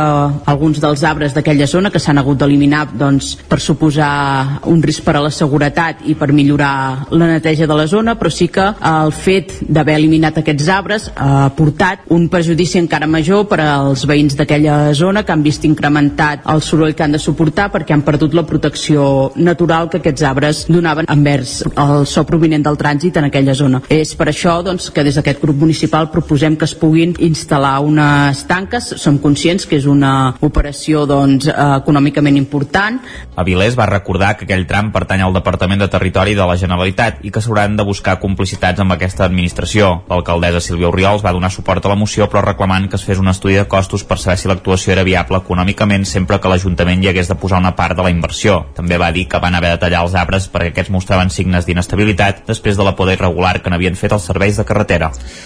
Xerrada oberta amb el tema de la mort com a leitmotiv a la plaça Flors de Maig de Cardedeu, organitzat pel casal popular La Matxera, Enric Rubio, Ràdio Televisió Cardedeu. Així és, Isaac, en el primer acte del casal, així que ha significat molt més que el propi acte en si. Raúl Olivencia, el president del casal, ens ha explicat el que ha significat poder tractar aquest tema en una jornada com aquesta. Bueno, és algo que sí, que que, que ens espanta no? I, i és una mena de tabú que, que sempre queda en l'àmbit de lo privat, diguéssim, o de lo, de lo particular, de lo personal, no? Llavors, eh, en tant que, que queda arraconat a lo, a lo personal o a lo privat, costa que, que, que agafi, que agafi, l'espai públic, no? Es l'espai públic. Com dèiem, era el primer acte públic que feia la Matxera i portaven un any treballant sobre el tema. Comenten que la mort és un tema que sempre acostuma a quedar en un segon pla i mai s'arriba a parlar sense embuts, en el tabú que això suposa. Bueno, la mort d'un ésser estimat sempre és traumàtica, però sí que crec que podria ajudar en el, en, en el dol que es diu, no? que és l'efecte de, de la mort d'aquesta persona estimada en, en, en un subjecte de, de, de poder pair-ho de, millor, no? Amb, amb, més tard, ja amb tots els assistents en cercle, es va parlar sobre la temàtica tractada entre tots amb un micro obert, on es podia participar amb un text, una cançó o un testimoni. Com a cluenda es van encendre espelmes i es van mostrar fotos i objectes els quals van posar al centre del cercle, generant així un espai de record col·lectiu. Gràcies, Enric. Més qüestions. Sant Pere de Torelló, Osona, forma ja part des d'aquesta setmana de la llista de municipis que recullen les deixalles amb el sistema porta a porta. Dilluns i dimarts s'hi ha fet la primera recollida d'orgànica i multiproducte. Sergi Vives, al 9FM. Els contenidors d'escombraria és un element que formava part del mobiliari urbà de Sant Pere han desaparegut dels carrers aquesta setmana, excepte el de vidre. El municipi ha implantat el sistema de recollida porta a porta i des de dilluns els veïns i veïnes només han de deixar les brosses o els cubells d'orgànic en funció del dia a fora l'entrada de casa. Amb el canvi es preveu passar d'un índex de recollida del 56% a més del 80%. En parlen l'alcalde Jordi Fàbrega i el director de l'Agència de Residus de Catalunya, Isaac Peraire. El nostre objectiu és arribar com altres municipis, com Prats de Lluçanès, com el nostre poble veí de Sant Vicenç de Trolló, que han aconseguit arribar a un 87% de reciclatge, perquè hem de donar molta més vida a l'abocador d'Uris, portar el mínim mínim de cosa a llançar, per tant, de rebuig al abocador d'Uris, i per una altra qüestió, portar l'abocador d'Uris és econòmicament caríssim i Sant Pere de Torelló tenia, com deia l'alcalde, aquest deute. Sant Pere, que ha estat i és exemple en diferents àmbits també de la sostenibilitat, en energia, per exemple, doncs ara se suma el carro del porta a porta i, per tant, d'arribar als nivells de recollida selectiva dels millors municipis d'Osona i del país. Des del consistori feien aquest dilluns una valoració positiva de l'engegada. Els darrers dies s'han repartit un miler de cubells xipats i s'ha informat als veïns de com funciona i dels dies que recollirà cada fracció gairebé tota la setmana estem recollint el multiproducte orgànic i només queda el dimecres que realitza un dimecres sí, un dimecres no, que és la fracció resta. Per què? Perquè entenem que la resta eh, és, ha de ser molt, molt, molt, molt, molt poqueta cosa. Sant Pere ja ha implantat el canvi de model. Es preveu que els propers mesos també l'apliquin a tres barris de Vic, Agurb, Montesquieu, Sant Boi i Sant Quirze. Amb aquests ja seran 28 els municipis d'Osona que utilitzaran el sistema porta a porta. Li traiem el barret d'alcalde Jordi Fàbrega i li posem el de diputat provincial perquè la Diputació de Barcelona presenta a Prats de Lluçanès els ajuts econòmics que s'endeixen a 3 milions d'euros que destinen als municipis per mantenir i millorar la infraestructura de prevenció d'incendis forestals. En concret, aquestes actuacions actuacions són tractar la vegetació, arreglar camins i passos de riu i crear i mantenir punts d'aigua perquè en cas d'incendis s'hi pugui arribar ràpidament. El diputat adjunt d'Espais Naturals i Infraestructura Verda, Jordi Fàbrega, ha volgut destacar la importància d'aquestes actuacions. Perquè tota la infraestructura de mobilitat per poder atacar si es produeix un incendi es puguin moure amb molta rapidesa i fluidesa. I això vol dir 2.500 quilòmetres que actuarem i estem actuant de manteniment, de millora o d'obertura nova de camins per poder fer la prevenció d'incendis a tota la demarcació de Barcelona. És clau, quan es produeix un incendi, poder actuar en minuts. Si som capaços, com ha passat en aquest estiu, d'actuar en minuts, evitem danys majors. Els ajuts es van presentar ahir a Prats de Lluçanès, on entre d'altres s'està actuant el camí de Serra Seca fins al Molí dels Cingles. En parla l'alcalde Jordi Bruc. S'han fet eh, quatre actuacions aquest, aquest any concretament, amb, amb quatre camins diferents, que, que feia falta doncs això, una desvegetació de, de massa forestal lateral, diguem així, de compactació de camins, i a part amb una disposició externa, doncs, com us deia, aquest pas concret de, del Molí del Cingle, que hi ha un, un torrent, un rec d'aigua que s'ha pogut formigonar perquè l'entrada i la sortida i el pas doncs, de vehicles per en aquest punt concret pugui ser doncs, fluida i bon. La dotació econòmica total puja en 500.000 euros aquest any i es distribueix entre 275 municipis, eh, ajuntaments de la demarcació. Al Lluçanès s'hi destinen 175.000 euros i a Osona 365.000. El municipi que té més massa forestal de la demarcació i, per tant, també el que rep més ajut és Sant Mateu de Bages i, per comarques, la dotació més elevada són els 600.000 euros del Bergada. Per tercer any consecutiu arriba a Vigues i Riells del FAI al Vallès Oriental una nova edició del concurs de música jove, enguany amb l'objectiu d'acollir participants de tot el Vallès Oriental. Roger Rams, zona codinenca. Es tracta d'un concurs de talent musical sorgit en plena pandèmia i que busca fomentar la participació dels joves del municipi i alhora explorar-ne els talents. En les dues primeres edicions el concurs estava enfocat exclusivament a artistes dels municipis de la Vall del Tenes, però enguany, segons explica el regidor de Joventut, Josep Tripiana, han volgut ampliar mires i el concurs acollirà participants de tot el Vallès Oriental, això sí, amb l'únic requisit que almenys un membre del grup sigui de la vall. Un concurs que van néixer amb la finalitat no només d'entretenir, sinó de donar visibilitat i oportunitats als joves artistes de la zona. En un principi es limitava només a la vall del Tenes i aquest any hem decidit donar un pas més i abarcar tota la comarca del Vallès Oriental. Els premis són des d'una una gravació en un estudi professional fins a actuacions en esdeveniments municipals com pot ser la Festa Major i així contribuir a donar difusió a aquests joves grups. El jurat estarà format per tres professionals musicals i un representant de l'equip tècnic del Servei de Joventut de l'Ajuntament en qualitat d'assessor amb veu però sense vot. El jurat valorarà aspectes com ara la tècnica, la posada en escena, l'originalitat de la peça, la qualitat dels temes i la connexió de la banda amb el públic. El concurs tindrà lloc el dissabte 2 de desembre, quan al llarg de tota la tarda les formacions musicals aniran actuant al Teatre Auditori Municipal. Les inscripcions ja són obertes fins al proper 24 de novembre i es poden fer telemàticament o bé a l'Espai Jove a la Cova de Vigues i Riells del FAI. Gràcies, Roger. Passen 12 minuts de les 10. En aquest moment acabem aquest repàs informatiu que començàvem al punt dels 10 i dos minutets. En companyia de Roger Rams, Enric Rubió, Sergi Vives i Isaac Muntades, és moment al territori 17 d'afegir també a tot aquest eh, equip el nostre home del temps, en Pep Acosta.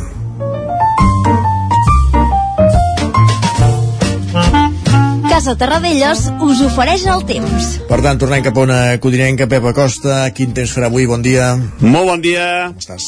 Avui, de moment, serà un dia uh, força tranquil. Uh, aquesta nit, com deia, neu quasi cap núvol, molta tranquil·litat, uh, bastant de fred, i el dia d'avui serà gairebé igual. Mm, pocs núvols, uh, i unes temperatures molt semblants a les d'ahir. És a dir, moltes màximes, entre els 15, 17, 18 graus, a tot estirar, les temperatures màximes cap a la zona del preditoral es donaran. De cara a la tarda vespre, sí que augmentaran els núvols. Uh, S'acosta un altre petit front atlàntic. Uh, continuem aquesta um, circulació de fronts atlàntics i de cara, uh, sobretot matinada, ens afectarà uh, novament un front amb molt poca puja, amb molt poca activitat, però que, bueno, que de la nit ens afectarà i portarà dues coses. Portarà uh, una pujada de les temperatures mínimes, uh, el no està uh, tan serè, uh, farà que les temperatures pugin sobre la, la nit uh, que ve i farà uh, que hi hagi, una, hi hagi petites precipitacions eh, poden afectar eh, a, qualsevol, a qualsevol població, a qualsevol comarca, però seran eh, pluges molt febles. Potser no és una mica més intenses cap a la zona del Pirineu, però en cap cas jo crec que superaran els 5 litres, eh? per tant ja veieu quines precipitacions més i més febles. I bueno, això és tot, eh, a disfrutar aquest dimecres, un dia tranquil, però de cara a la nit ens afecta aquest front, un dia amb temperatures eh, nocturnes que han baixat força, durant el dia les hores centrals estarà força bé i la nit passada hi haurà una moderada pujada de les temperatures. Moltes gràcies, fins demà, adeu. Gràcies a tu, Pep. Ens retrobem demà parlant de, del temps, a veure com avança aquesta setmana, ja que acostant-nos al, al cap de setmana i, i veient com i esperant com, com, a, com ens arribarà. Anem cap als solidaris. Casa Tarradellas us ha ofert aquest espai. Com cada setmana, des de Ràdio Vic, la Laura Serrat ens acosta eh, el perfil de persones que treballen per, pels altres de forma altruista. I avui als Solidaris ens fixem amb la Rosa Maria Moreno, de la presidenta de Carama de Manlleu. Laura Serrat, benvinguda un dimecres més, bon dia. Avui és el torn de retrobar-nos amb les persones voluntàries i en aquest cas anem fins a Manlleu. Coneixem a Rosa Maria Moreno, veïna del municipi, fundadora i presidenta de l'associació Carama. Després de veure els patiments dels refugiats a la televisió, allà el 2015, Moreno va fundar aquesta entitat al garatge de casa seva per oferir oportunitats i ajuda humanitària a tots els refugiats fora de les nostres fronteres, però també a les persones vulnerables de casa nostra. Avui, des de l'antena del Territori 17, conversem amb ella sobre la seva trajectòria solidària i els seus plans de futur. Abans de començar, fent 5 cèntims de la seva acció social, amb quines entitats ha col·laborat al llarg dels anys? Soy presidenta y fundadora de Asociación Carama, una asociación sin ánimo de lucro, donde realizamos cooperación de ayuda humanitaria tanto nacional como internacional y, bueno, a nivel local ante cualquier catástrofe o conflicto. Yo anteriormente de voluntaria no, yo había padrinado, tenía un niño apadrinado, pero siempre la verdad que, bueno, desde niña siempre me ha gustado todo lo que es el mundo social. Quan va a implicar-se en l'activisme social i el voluntariat? Pues yo fue más o menos para septiembre del 2015, o sea, es decir, ya llevo unos cuantos años. En septiembre del 2015 fue cuando, a raíz de todo aquello que estaba pasando con los refugiados de Hungría y demás, yo dije, aquí hay que hacer algo y ahí es donde empecé, pues, todo lo que he logrado hasta ahora. Hi va haver alguna història concreta que la motivés a fer-ho? Sí, justamente fue cuando estaba ocurriendo todo lo de los naufragios en la isla de Lesbos y todo aquello. Y en concreto, la acción que me hizo ponerme manos a la obra y ponerme a escribir un proyecto y a ver una manera de ayudar fue a raíz de cuando en Hungría un papá estaba intentando pasar bajo las concertinas con su hija y una periodista húngara pues como que le puso la zancadilla y yo ahí pensé, Dios mío, ¿en qué mundo estamos? ¿no? O sea, estás huyendo de tu propia casa porque estás, bueno, en pleno conflicto, en plena guerra y demás, y te lo ponen más difícil. Y a raíz de ahí fue donde empecé a activarme, la verdad. Quines són, doncs, les àrees o causes a les que ha dedicat més esforços? Mira, más esfuerzos sobre todo porque han sido muchos años, de hecho aún está pasando, ha sido a las personas refugiadas, a las personas refugiadas en las islas de Lesbos y a los campos de refugiados, que aquello, pues la verdad es que era como campos de concentraciones, porque han vivido en unas condiciones totalmente insalubres, o sea, había cada caso increíble, entonces es ahí donde empecé en Lesbos y luego en los campos eran Eco y Domeni, en todos los campos en Calais, aquí en Francia también, cerquita, pero vaya, prácticamente lo que más, donde más nos hemos centrado años atrás ha sido en esto, en los campos de refugiados. Per tant, com a presidenta i fundadora d'aquesta entitat, quines tasques concretes hi desenvolupa? Bueno, un poco de todo, la verdad, porque bueno, ya no es el, simplemente el papel que represento de presidenta, que pues que tienes que estar dando la cara, por supuesto, en todas partes, tengas que realizar algo, ¿no? Y luego aparte también pues coordino la ayuda que me llega tanto, que puede llegar desde cualquier punto de España, que nos lo trae Fundación Seur, soy la que me pongo en contacto con la fundación, las personas se ponen en contacto conmigo, coordino la ayuda hacia dónde tiene que ir, hacia dónde no tiene que ir, preparamos los contenedores, bueno, muchísimo trabajo, la verdad.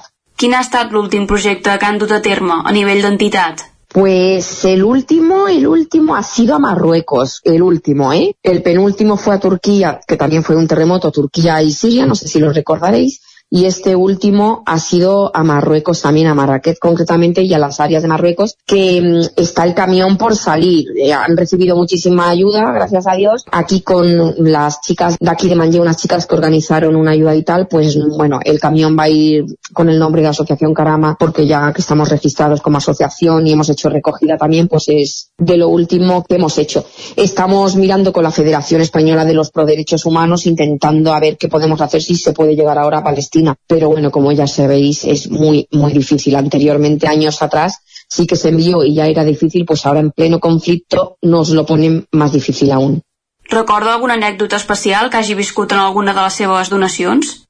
Sí, hay muchas, la verdad. Bueno, algunas son de risa, la verdad. Hay de todo. Desde que hemos recibido, por ejemplo, porque ya te digo que recibimos desde toda España donaciones tanto de lo que es ropa, alimentación, higiene y demás, pues hemos recibido ropa que estaba sucia, ¿no? Lo siguiente, que siempre he hecho hincapié, ¿no? Que cuando tú no te vayas a poner algo, las personas que necesitan ayuda también tienen dignidad y tampoco lo des. Tú siempre da algo que sepas que tú te pondrías y que se pueden poner los demás. Me acuerdo perfectamente que estábamos enviando para un campo de refugiados y nos enviaron un vestido de novia o un vestido de flamenca que dices, bueno, a ver, ¿qué van a hacer? La feria de abril allí. Cositas así, la verdad que sí.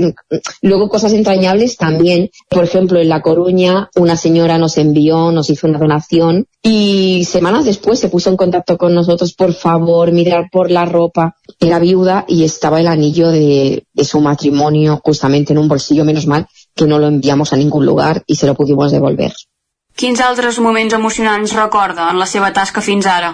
Pues mira, yo he vivido muchos momentos súper emotivos y que me han llegado al corazón y me han llegado al alma. Pero uno de los motivos que viví y que aún tengo ahí, clavadito, fue un niño del Líbano, un niño llamado Salah, de dos años, que sus papás estaban huyendo de todo aquel conflicto que había en aquel momento y que aún hay, pero bueno, en aquel momento, y estaban viviendo bajo unas alcantarillas, en un alcantarillado y el niño tenía desarrollado, se suponía que era un cáncer, un cáncer en el, en el vientre, pero lo tenía ya por fuera súper extendido y demás, y se pusieron en contacto conmigo a través, como asociación ya me conocía mucha gente, se pusieron a través del Messenger en contacto conmigo y había que operarle a vida o muerte. Y la verdad que en nada de días me puse a ello y entre una asociación y otra y gente particular y demás, conseguimos el dinero para poderle enviar, se lo enviamos, lo operaron y el niño pues hoy en día goza de una salud increíble. Es un momento muy bonito. I com equilibra la seva vida personal i professional amb aquestes activitats? Pues mira, es muy difícil. He tenido muchos días de sonrisa, pero también muchos días de lágrima, es cierto, sobre todo cuando empecé ahora con el paso de los años, ya llevo desde el 2015, son muchos años, pues ya como que lo llevo de otra manera. Al principio era bastante difícil porque, claro, tenías que compaginar lo que era tu vida personal, tu trabajo, tu vida laboral y aparte todo lo que hacías de voluntariado y demás. Y además el almacén, por ejemplo, corría a mi cargo, tenía aún que poner de mi bolsillo. Hoy, gracias a Dios también, pues hace como unos tres años, tres años y algo, hay una asociación que nos ayuda con el alquiler del local y luego desde que nos trasladamos a Manlleu pues se me ocurrió montar una tienda de segunda mano con el nombre de la asociación. Bueno, ya que todo, todo, todo no sale hacia los campos de refugiados o a la gente que lo necesita aquí a nivel local o, o a nivel nacional y monté la tienda de segunda mano. Entonces ahora como que prácticamente sí, estoy de voluntaria, pero a la misma vez es mi trabajo. No es que cobre para hacerme rica, ni mucho menos, porque lo que sale de ahí simplemente somos sin ánimo de lucro, lo que sale de ahí puede ser para pagar la luz y el agua de mi casa y poco más, pero sí que me dedico pues casi cada día, cada día a ello. Si posem el voluntariat a la balança, què considera que és el més difícil per algú que de voluntari?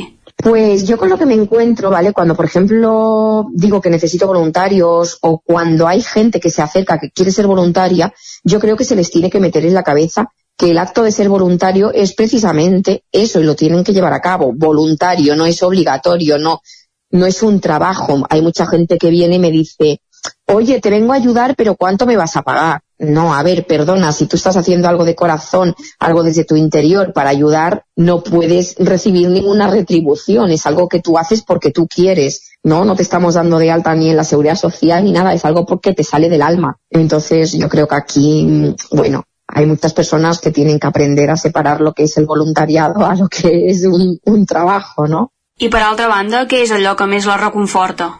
La sonrisa. La sonrisa sobre todo de los niños. Hemos tenido casos en el que hemos enviado, por ejemplo, a Irak, enviamos al pueblo yazidí enviamos a los niños que se habían quedado huérfanos, que se habían quedado sin padres y ver las sonrisas de los niños cuando llegan los camiones de ayuda humanitaria, que llegaban juguetes y en aquel caso una empresa de Tarragona que nos donó mm, fundas nórdicas. La sonrisa de los niños es demasiado, o en el caso que te contaba antes de Salah, ¿no? Verlo con salud. Yo es con lo que me quedo, la sonrisa de los niños en casos tan dramáticos pues como son las guerras o vivir en campos de refugiados. Pese a las pésimas condiciones en las que viven, aún los ves sonreír simplemente con que les des un osito de peluche. I en aquestes situacions dramàtiques que comenta, creu que el voluntariat hi pot tenir un impacte? Sí, por supuesto. Yo la verdad que nunca me he quejado, doy siempre, siempre, siempre, siempre las gracias a todas las personas que nos han ayudado, porque sí que es verdad que España es muy solidaria, pero creo que aún deberíamos de ser más solidarios, ¿no? Estamos en un punto que sí que es verdad que debido a la gran inmigración que hay, por ejemplo, pues está surgiendo la palabra esta que decimos no somos racistas, sí, aún hay racismo y nos tendríamos que poner un poquito en el lugar de la otra persona, el que te ha hecho salir de ese país para poder, porque no todo el mundo, gente buena y gente mala hay en todas partes, ¿no? Entonces yo creo que sí. Incluso gente que viene de fuera, que tienen que inmigrar o que han llegado en patera, los menas y demás, muchas veces hacen de voluntarios con nosotros y la verdad que todo eso te hace ser como mejor persona, ¿no? Tener un fondo más, más humano que la humanidad yo creo que se está perdiendo bastante. I en aquest sentit, com creu que les seves experiències com a voluntària han influït en la seva pròpia visió del món? Yo creo que ha servido precisamente para eso, como que, que te hace más, más sentimental, más emocional, no te hace tan individuo y sí más humano, ¿sabes? No tan persona y sí más humano. Per acabar, m'agradaria mirar el més enllà possible cap al futur. Quin seria el futur ideal que s'imagina per a la comunitat d'entitats solidàries i voluntaris? Pues mira, yo espero que nos impliquemos más, que nos demos todos más las manos, entre asociaciones, entre personas, da igual la raza, el color, la religión, la cultura. Yo creo que si todos nos diéramos la mano, el mundo ya sé que es una utopía, ¿eh? es una utopía que yo tengo desde niña y la llevo diciendo siempre y creo que me moriré y no lo veré del todo. Pero yo creo que el mundo de verdad sería más humano. De hecho, el lema que tengo en la asociación es crucemos puentes y derribemos fronteras. Pues yo creo eso, precisamente. Esperem que s'acabin complint. Rosa, moltes gràcies per ser avui aquí amb nosaltres i molta sort. Pues muchísimas gracias. El nou FM, la ràdio de casa, al 92.8. La qualitat de les teves impressions és important per tu? Estàs cansat que els colors i les imatges no surtin com t'esperes? A Impremta Mater disposem de la tecnologia més avançada i els millors professionals per aconseguir impressions d'alta qualitat. Fem tota classe d'impresos amb acabats professionals. Llibres, catàlegs, revistes, tesis, calendaris, enquadernacions... I a més, disposem del servei d'impressió digital en gran format. Roll-ups, lones, pòsters i molt més. Impremta Mater. Ens trobaràs a la carretera de Sant Hipòlit 23 de Vic o impremtamater.com. Ho han dit avui, el 9FM? Ai, no ho he pas sentit. Tot té solució. Recupera programes, seccions i entrevistes del 9FM al 9FM.cat. Des de ben petit tindre un somni que és obrir un restaurant. Han sortit moltíssims llibres. Et demanen dades que, per altra banda, l'administració ja hauria de tenir.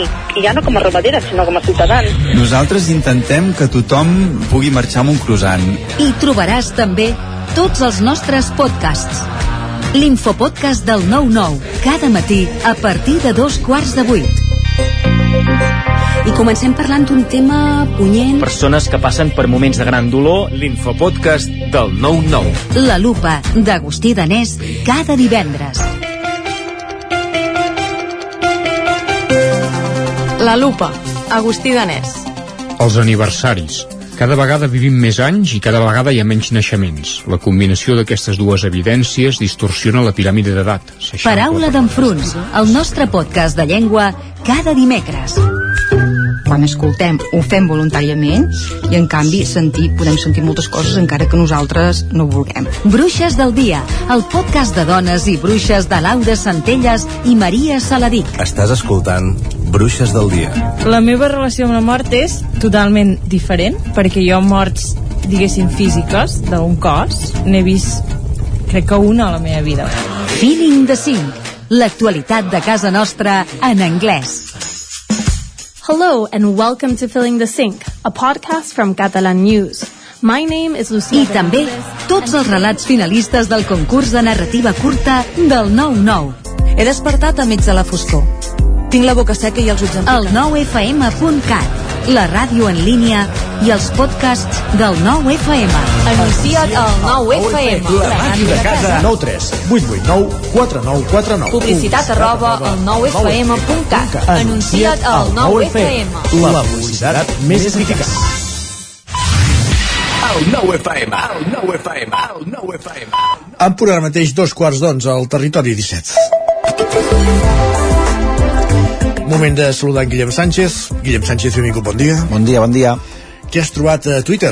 Doncs mira, que hi ha més uh, alegria entre els aficionats del Shakhtar que del Barça. Home, n'hi ha per, ha per haver-n'hi.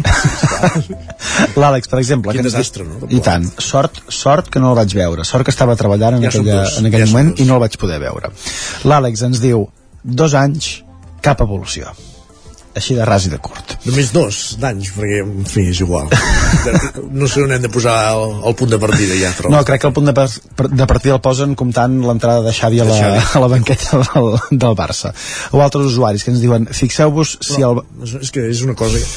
No, hi ha plantilla per, com per evolucionar, no? És que és el que em, És que em xoca més. de qui anirà el, el següent tuit, aquest no, sinó l'altre. Ava- Avanço, ja ho veig, va, perdó. Per exemple, aquesta reflexió que ens diuen fixeu-vos si el Barça són bones persones i compromesos amb els drets humans que estem deixant guanyar el partit als ucraïnesos. Orgull d'equip. O, per exemple, en Miquel, que ens diu en aquesta tercera temporada Xavi està aconseguint una cosa realment meritòria.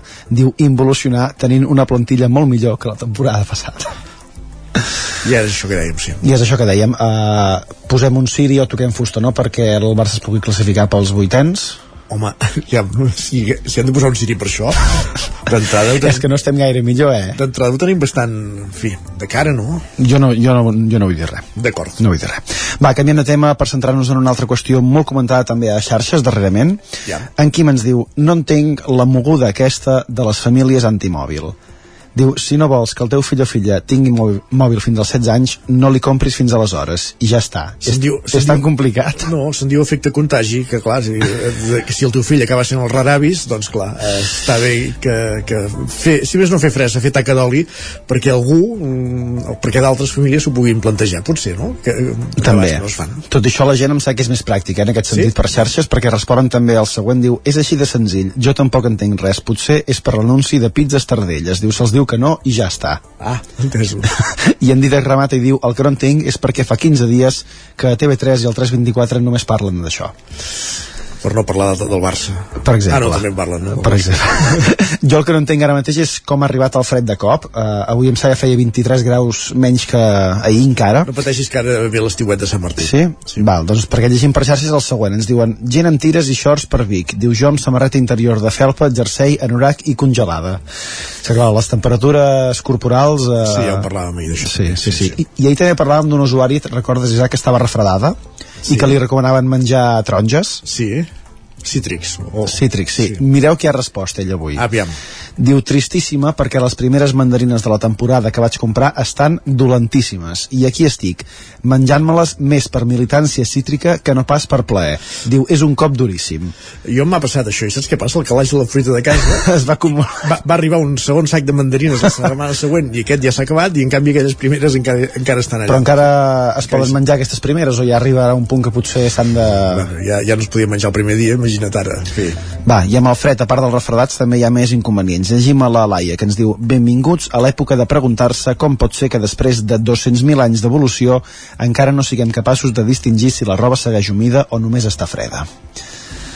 Qui és que no ho sap distingir? No sé, aquesta Ah, usuària potser, potser no. El millor del tema, per això, Isaac, són les dues respostes que hi ha d'aquest comentari. La primera ens diuen els humans tenim receptors de temperatura, no d'humitat o alguna així. És a dir, reconeixem que estem molls per la temperatura corporal, no pel fet d'estar mullats. Ai, ai, d'estar mullats no, d'estar molls. D'estar molls, perdó. I la Ima ens aporta això, diu vaig llegir un dia un truc que va força bé.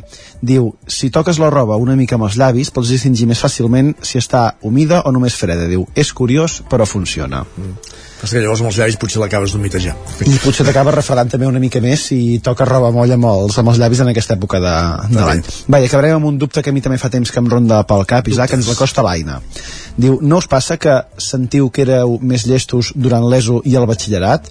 Rotllo, com era capaç d'aprendre amb els continguts de matemàtiques, història, llengües i tot alhora? Diu, és que em sembla al·lucinant. En fi, és, és aquelles coses que quan deixes de practicar també es va... Te n'adones també de l'esforç que vas fer en el seu moment. Deu ser això. I que t'haurien d'haver recompensat una mica més per això. O que aleshores tenies menys preocupacions i, i podies dedicar més esforços, no? Podria ser, podria ser també. també deixem diguem que anava per aquí. Va. Gràcies, Guillem. Ens escoltem demà. Fins demà. Adéu. Nosaltres que avancem al territori 17, tot seguit és moment de parlar de llengua. Avui, dimecres, com fem cada 15 dies, és moment del podcast de llengua, de paraula d'enfronts, i avui eh, ens volem posar amb un dels temes, o el que hauria de ser un dels temes del moment, però com que no hi ha aigua n'hi ha pocs, que són els bolets i tot el llenguatge que hi ha a l'entorn del món boletaire.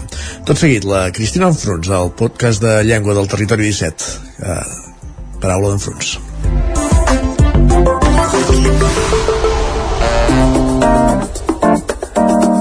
Territori 17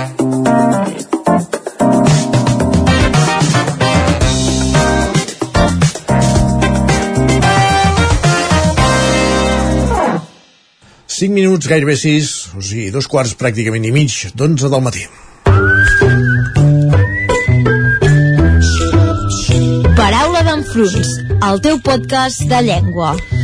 I una setmana més saludem la Cristina Enfruns perquè ens ajudi a parlar millor la nostra llengua i avui amb les paraules relacionades amb un fruit molt preuat aquesta època de l'any. Els bolets, Cristina, benvinguda. Hola, hola. Doncs bé, eh, els bolets, no? Toca Sí, parlar de bolets. toca. En, aquest tip, en aquesta època és típic el I toca, fet... tocaria collir-ne també, però això és més difícil, em Això sembla. serà més difícil i segons ens expliquen els entesos eh, mm, Encara bé, més. mm, mm, potser ara aquests dies que, que hi haurà plogudes a veure si, si en surt algun Ja. Bé, doncs eh, aquesta és, un, és típic el fet d'anar a buscar bolets, però tenim molts verbs que fan referència a aquest fet, eh? Per tant, què hem de dir? Anar a collir bolets, anar a buscar bolets, anar a cercar bolets, caçar bolets... En principi aquí i a les comarques del voltant, igual que a Barcelona, el més comú és dir anar a buscar bolets o anar a collir bolets. Segurament que També, estàs sí. amb mi, eh? Sí. Són les més òbvies per nosaltres. Però n'hi ha d'altres. Uh, això us volia explicar una miqueta, eh? Ja. Per exemple, aquest caçar bolets. Aquest caçar bolets Que va fer nosaltres fortuna amb la televisió, aquest, eh? segurament, eh, amb aquell programa que ja no sé, no sé quants anys fa que ens feien de caçadors de bolets, és el que potser ho va posar més eh, de moda. Sí. Però bé, aquesta és la forma habitual que tenen les comarques gironines de parlar de, De bolets. d'anar-los- d'anar- de bolets, exacte. Mm. Tot i així que sapiguem que està bé eh, aquest caçar, perquè caçar, si ho busquem al diccionari, vol dir buscar amb tenacitat, amb, amb insistència. Doncs, per tant, podríem, podria ser molt vàlida, eh, aquest caçar bolets. Molt bé. Un altre, per exemple, cercar bolets. Aquest és molt freqüent a Mallorca i a les Illes Balears. Tot i que per nosaltres el verb cercar ens sona molt culte, però per ells és normal, eh? Cercar bolets. D'acord. Un altre, mirar bolets. Mirar també és caçar- doncs sí. buscar-los, collir-los? Aquesta és molt pròpia al Solsonès i Berga, que és un lloc que, que hi ha bastant, eh, bastanta tradició, molta gent va a buscar bolets a I Berga. no és que només eh? els mirin, no és que només els observin, eh? però en diuen mirar bolets sí, sí, sí. o una altra, aquesta de fer bolets mm, amb la R perquè és una, és una forma molt pròpia al País Valencià, al Garraf, al Penedès i és això, eh, també anar a buscar bolets. Fer bolets. Doncs aquesta seria una altra forma. Per, per tant, sapiguem que eh, podem sentir moltes maneres de descriure aquest fet, encara que potser Buscar, caçar, collir, tenim moltes cercar, mirar i fer. I fer, fer, fer això, eh? no fer, fer, sinó fer que fer bolets. Això ja ens denota que és una tradició més pròpia ja d'això del País Valencià. Per tant, eh, tot això podem dir de, de el fet aquest gairebé una imaginació però bé, que sapiguem que ho podem dir de moltes formes. I el que més els agrada a la majoria llavors és menjar-se'ls, eh? Això ja és, una, ja és un altre tema, sí, sí senyor. D'acord. Uh, molt bé, doncs, a veure, lligat amb, amb, amb els bolets, hi ha molts refranys propis d'aquest temps relacionats amb, amb aquest uh, fong o el que sigui, no? Sí. Per exemple, uh, el que diu, si trobes una llora, el rovelló hi és a prop és a dir, diuen que al costat de les llores sovint se solen fer els rovellons diuen diuen, diuen, diuen o bé, el rovelló cerca-li bon companyó què és vol dir això? que, que, que allò en la seva virtut eh? seria aquesta potser la definició o aquesta que diu a la trompeta de la mort no li facis mai el sort no ens faci por menjar eh, diuen, no, que menjar, són, doncs exacte. exacte, per tant que és una menja bona o bolet amb beina i corbata és segur que és dels que mata et pot portar una pista dels que no has de collir per exacte, aquí anem al tanto amb beina i corbata. O bé bolets amb llet i que piquen Tampoc. si no maten, mortifiquen. Carai. Aquests tampoc la i per acabar podem dir el bolet i el moixernó de l'octubre és el millor o sigui que afanyem-nos perquè a l'octubre se'ns està acabant. Moixernons, no sé si n'hi ha hagut gaires. N'has collit cap tu o no? jo evidentment que no hi ha. Si alguna vegada n'he trobat algun és un, un rovelló com a molt. Com a molt. Molt bé. Doncs aquí el resum de, de dels bolets. la nostra faceta boletaire. Ara hi posem música, oi? vinga, doncs sí, va, sí. som-hi. les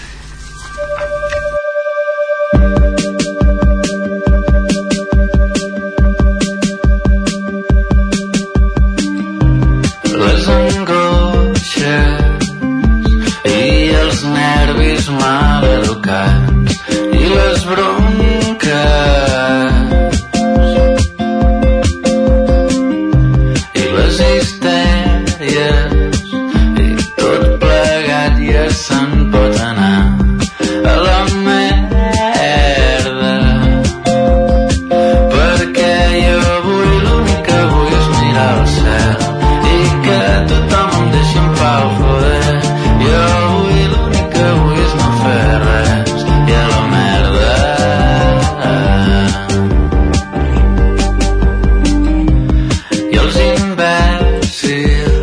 l'únic que vull és mirar el cel. Uh, deia Pau Vallvé, el, el títol de la cançó és Avui l'únic que vull, i com bé deia més de Pau Vallvé, és una cançó que, que has examinat lingüísticament d'alguna manera, eh? doncs sí, i, i n'hi ha de molt bones Ah, aviam. Sí. Uh, bé, la primera que segur que tu t'ha fet mal t'ha fet mal a les orelles quan deia aquest, les angoixes i els nervis i les bronques. Ah, sí? Sí, sí, clar, Aquest bronc, eh? Aquest sí. bronc en català no existeix, és un castellanisme. N'hauríem de dir esbroncs o esbroncades. Esbroncades. Aquesta seria la forma correcta. Aquí ho podem, ho podem salvar, no? Una mica en Pau, perquè bronca, No sé esbroncada faríem, eh? té alguna síl·laba més. Vaja. Però bé, aquesta és la, la, la normativa. Sí, sí, està clar. Una altra, aquesta potser també millor, bueno, més bona, no? Quan diu aquí, perquè jo, jo avui l'únic que vull és mirar al cel i que tothom em deixi en pau, joder. Eh? Sí, aquest joder. Aquest joder és una expressió que fem servir per molts contextos. Aquí eh? és molt fàcil dir carai, per exemple, no? seria una alternativa, sí, sí. Però, per exemple, diem joder, representa quan ens enfadem, eh, diem ja n'hi ha prou, joder, o bé quan ens estranyem, diem, joder, no m'esperava pas. Uh -huh. O quan estem contents, quin gustat estar de vacances, joder. O quan ens estristim, això és una merda, joder. Per tant, hi ha molt, molts usos que podem fer servir aquest, però evidentment, joder, és un vulgarisme que hauríem de substituir per un altre mot, com per exemple el que deies tu, carai, collons, que també és el diccionari, Mm. coi, cony, per tant, aquestes serien alternatives. Vulgars ho són bastant totes, però vagi, són, alter... són en català, si més però, no. però, Sí. però mira, fixa't, hi ha un article de Pep Antoni Roig al nacional.cat que, es Sí. diu, que es diu 13 maneres de dir joder que agradarien a Pompeu Fabra. Aviam. Mm? Doncs això, bé, ho busqueu dona 13 opcions que servirien per substituir, per substituir aquest mot per exemple, hòstia, collons, recoll no cardis, la mare del Tano i etc. sí, sí, eh? Potser sí que Teniu són totes opcions. una mica una mica fortes, però bé però, però és interessant llegir aquest article i a mi, aquí tenim alternatives per no fer servir que tot i així potser sí que ja d'entrada ens sona una mica vulgar, eh? Una mica bastant, sí. Per tant, el descartem del nostre diccionari. Més coses. Més coses. Quan diu, i els pesats se'n poden anar a tomar pel sac. Prendre. Exacte, doncs això, eh? Tomar és una expressió aquí, no, no, no l'hauríem de fer servir. Tenim altres expressions per fer per això, per engegar algú o rebutjar-li, desitjar-li mal. En podem dir prendre pel sac, prendre pel cul, o tomar vent, a fregir espàrrecs. Mm? Avui Per estàs tant, amb un llenguatge molt doncs sí, eh? malsonant, eh, Cristina? és una, una mica tot plegat vulgar, però bé, uh, són cosetes que hi ha en aquesta cançó que bé, són coses que a vegades tampoc no, no les estudiem massa Exacte. i també hi ha alternatives en català que podem fer servir per substituir-les. Perfecte. Alguna cosa més Jo crec que cançó? ho deixem aquí. Molt bé, doncs avui l'únic que vull, Pau Vallbé. Gràcies, Cristina, fins la propera. Vinga, adeu.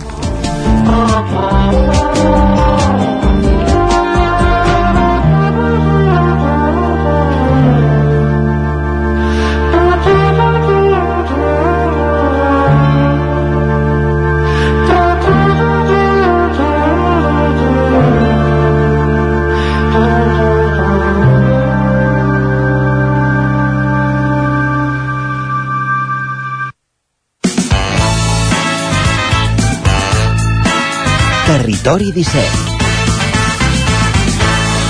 Tres quarts d'onze del matí d'aquest dimecres 8 de novembre de 2023.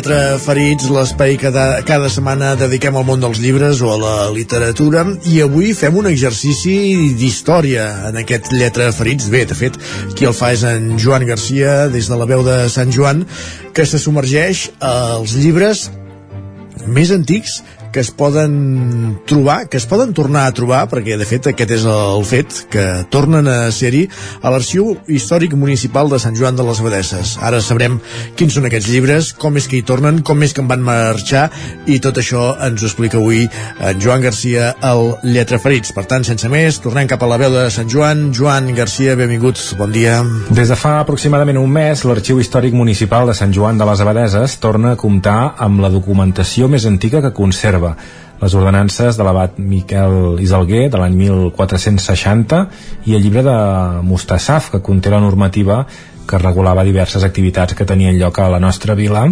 des del 21 de maig de 1460 i fins a l'1 de gener de 1773. El document ha estat sotmès a un procés de conservació-restauració per assegurar la seva preservació per a les generacions futures. D'aquesta intervenció se n'ha encarregat la tècnica en conservació i restauració de béns culturals, especialitzada en document gràfic, Magalí Anglada. Aquí ja tenim a nosaltres. Hola, Magalí. Hola, Moltes gràcies per atendre'ns. Eh, gràcies a vosaltres per contactar amb mi. Estem parlant d'un... Venir per interessar-vos I pel tema. i tant, no? A més a més és el nostre, el nostre patrimoni, per tant que, que sempre aprenem coses noves i, i aquesta és una, és una oportunitat. Estem parlant d'un document de, de més de 500 anys, suposo que tindreu passar una, un, un munt no? de, de documents tan antics o no? A les teves mans. A veure, de llibres no masses, són de, no sé, un, un parell de centenars d'anys posteriors, normalment, o així, però de pergamins sí que n'hi ha alguns que ronden aquestes dates. Mm -hmm. Entenc que, que els problemes que devia tenir de conservació deuen ser això, perquè és vell, no? Perquè és un, són materials vells que, que es van fer malbé, no? Sí, sí, sí, el, problema, el principal problema que es veia amb el llibre eren les cobertes de, que eren de pell. O sigui, és un llibre que està, les tapes són de fusta i està coberta de pell. Mm -hmm. Llavors el principal problema que tenia era que estava molt desgastada, Mm. o sigui, la pell està formada per dues capes, la cara flor, que és la més externa que veiem nosaltres, i la, la carn, que és la interior. Mm. Llavors de la flor es conservaven molt, molt poques restes i inclús de les cantonades de, pel fregament només de manipular el llibre Mm. um, ja s'havia perdut aquesta pell Mm. i llavors um, que el, respecte al bloc eh, una part eren fulls de pergamí i l'altra eren fulls de paper Mm. i el pergamí és més resistent llavors estava en més bones condicions que el paper que um, tenia molts estrips sobretot a les vores Mm.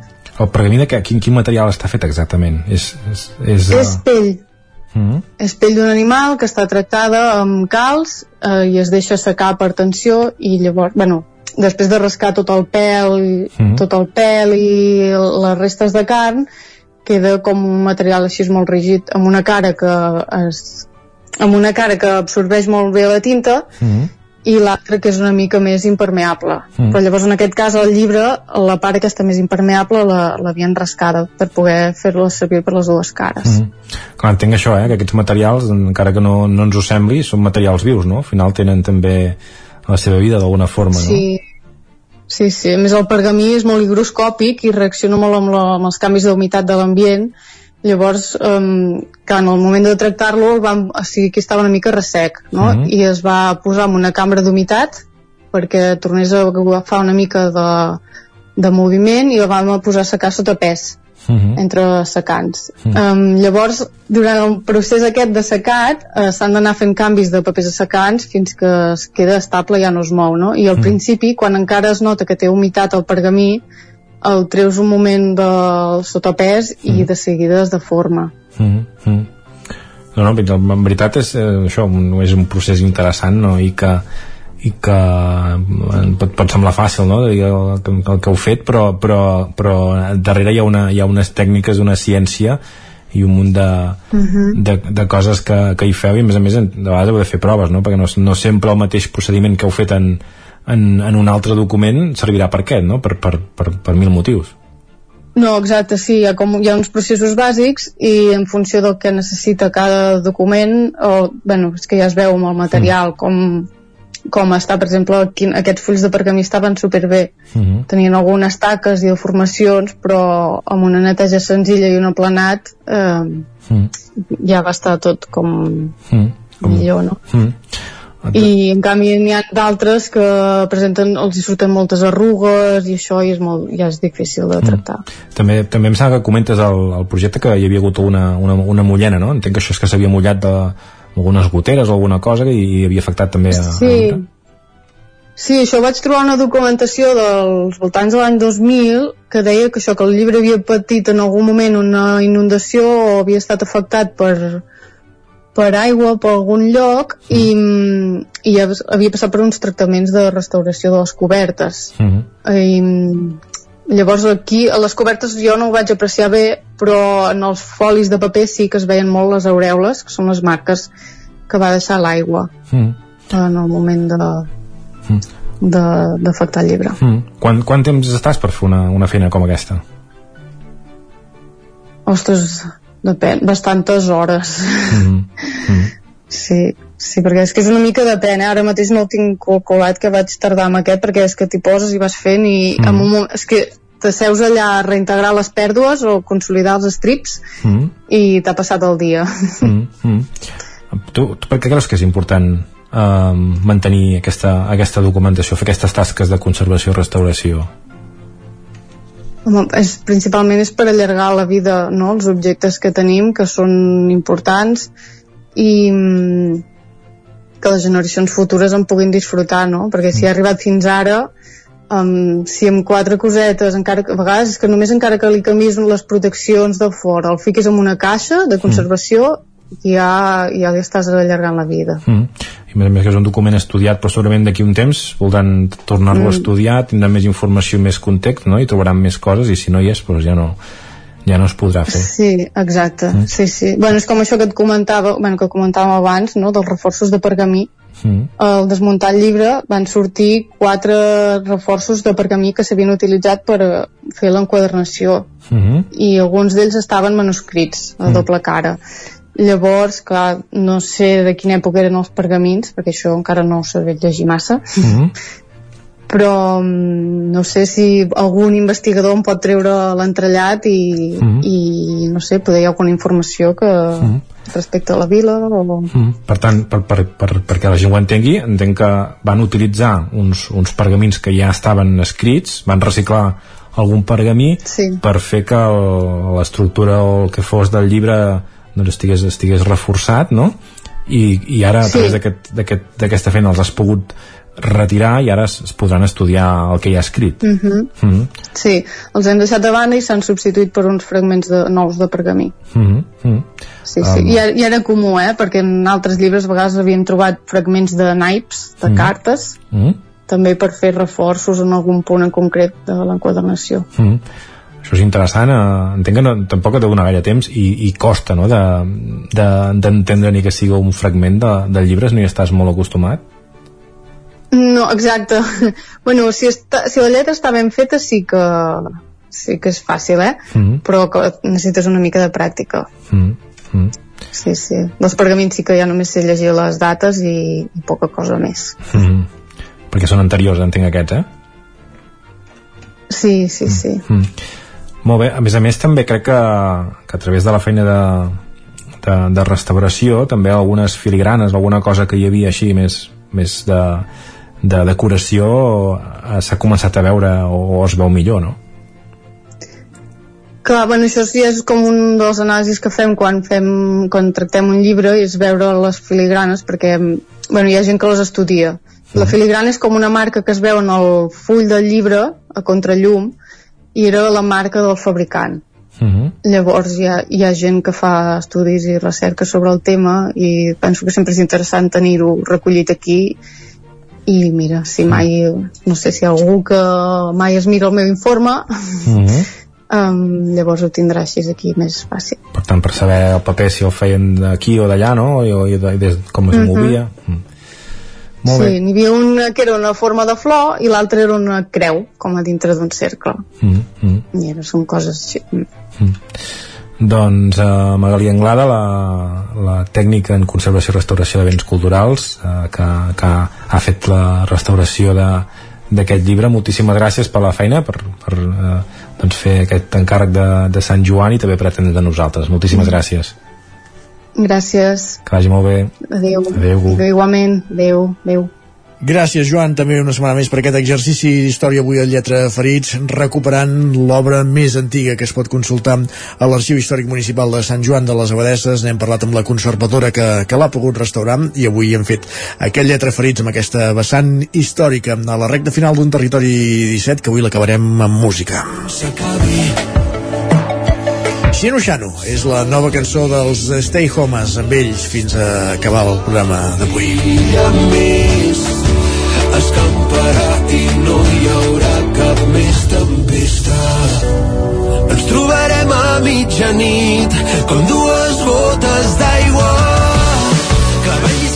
I aquesta cançó no és la que us anunciàvem dels Stay Homes, aquesta cançó és de, de Manu Guix, com heu pogut conèixer, com heu pogut, evidentment, eh, sentir. Eh, un Manu Guix que també ja està protagonista avui al Territori 17. Recordem-ho que padrina aquesta fira dels micropobles que es farà dissabte a Planoles. N'hem parlat amb el seu alcalde.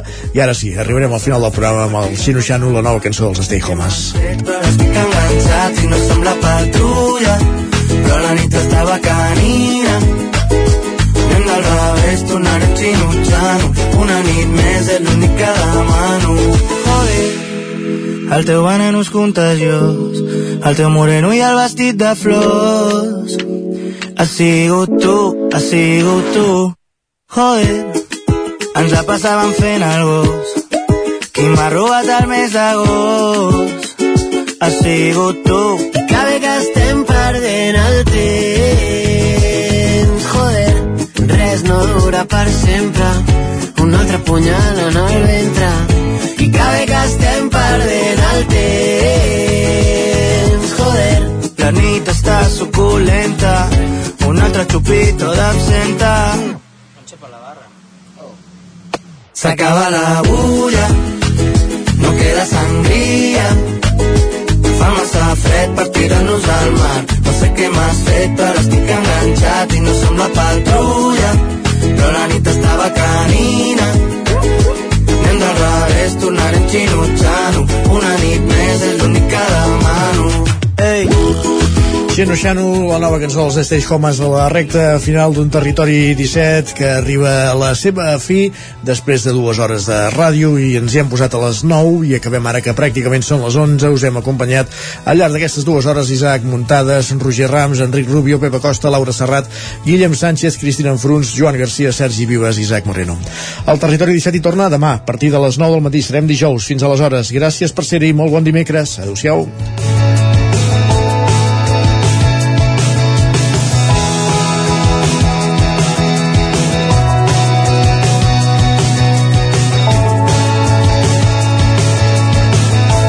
Territori 17, un magazín del nou FM, Ona Codinenca, Ràdio Cardedeu, Ràdio Vic i La Veu de Sant Joan, amb el suport de la xarxa.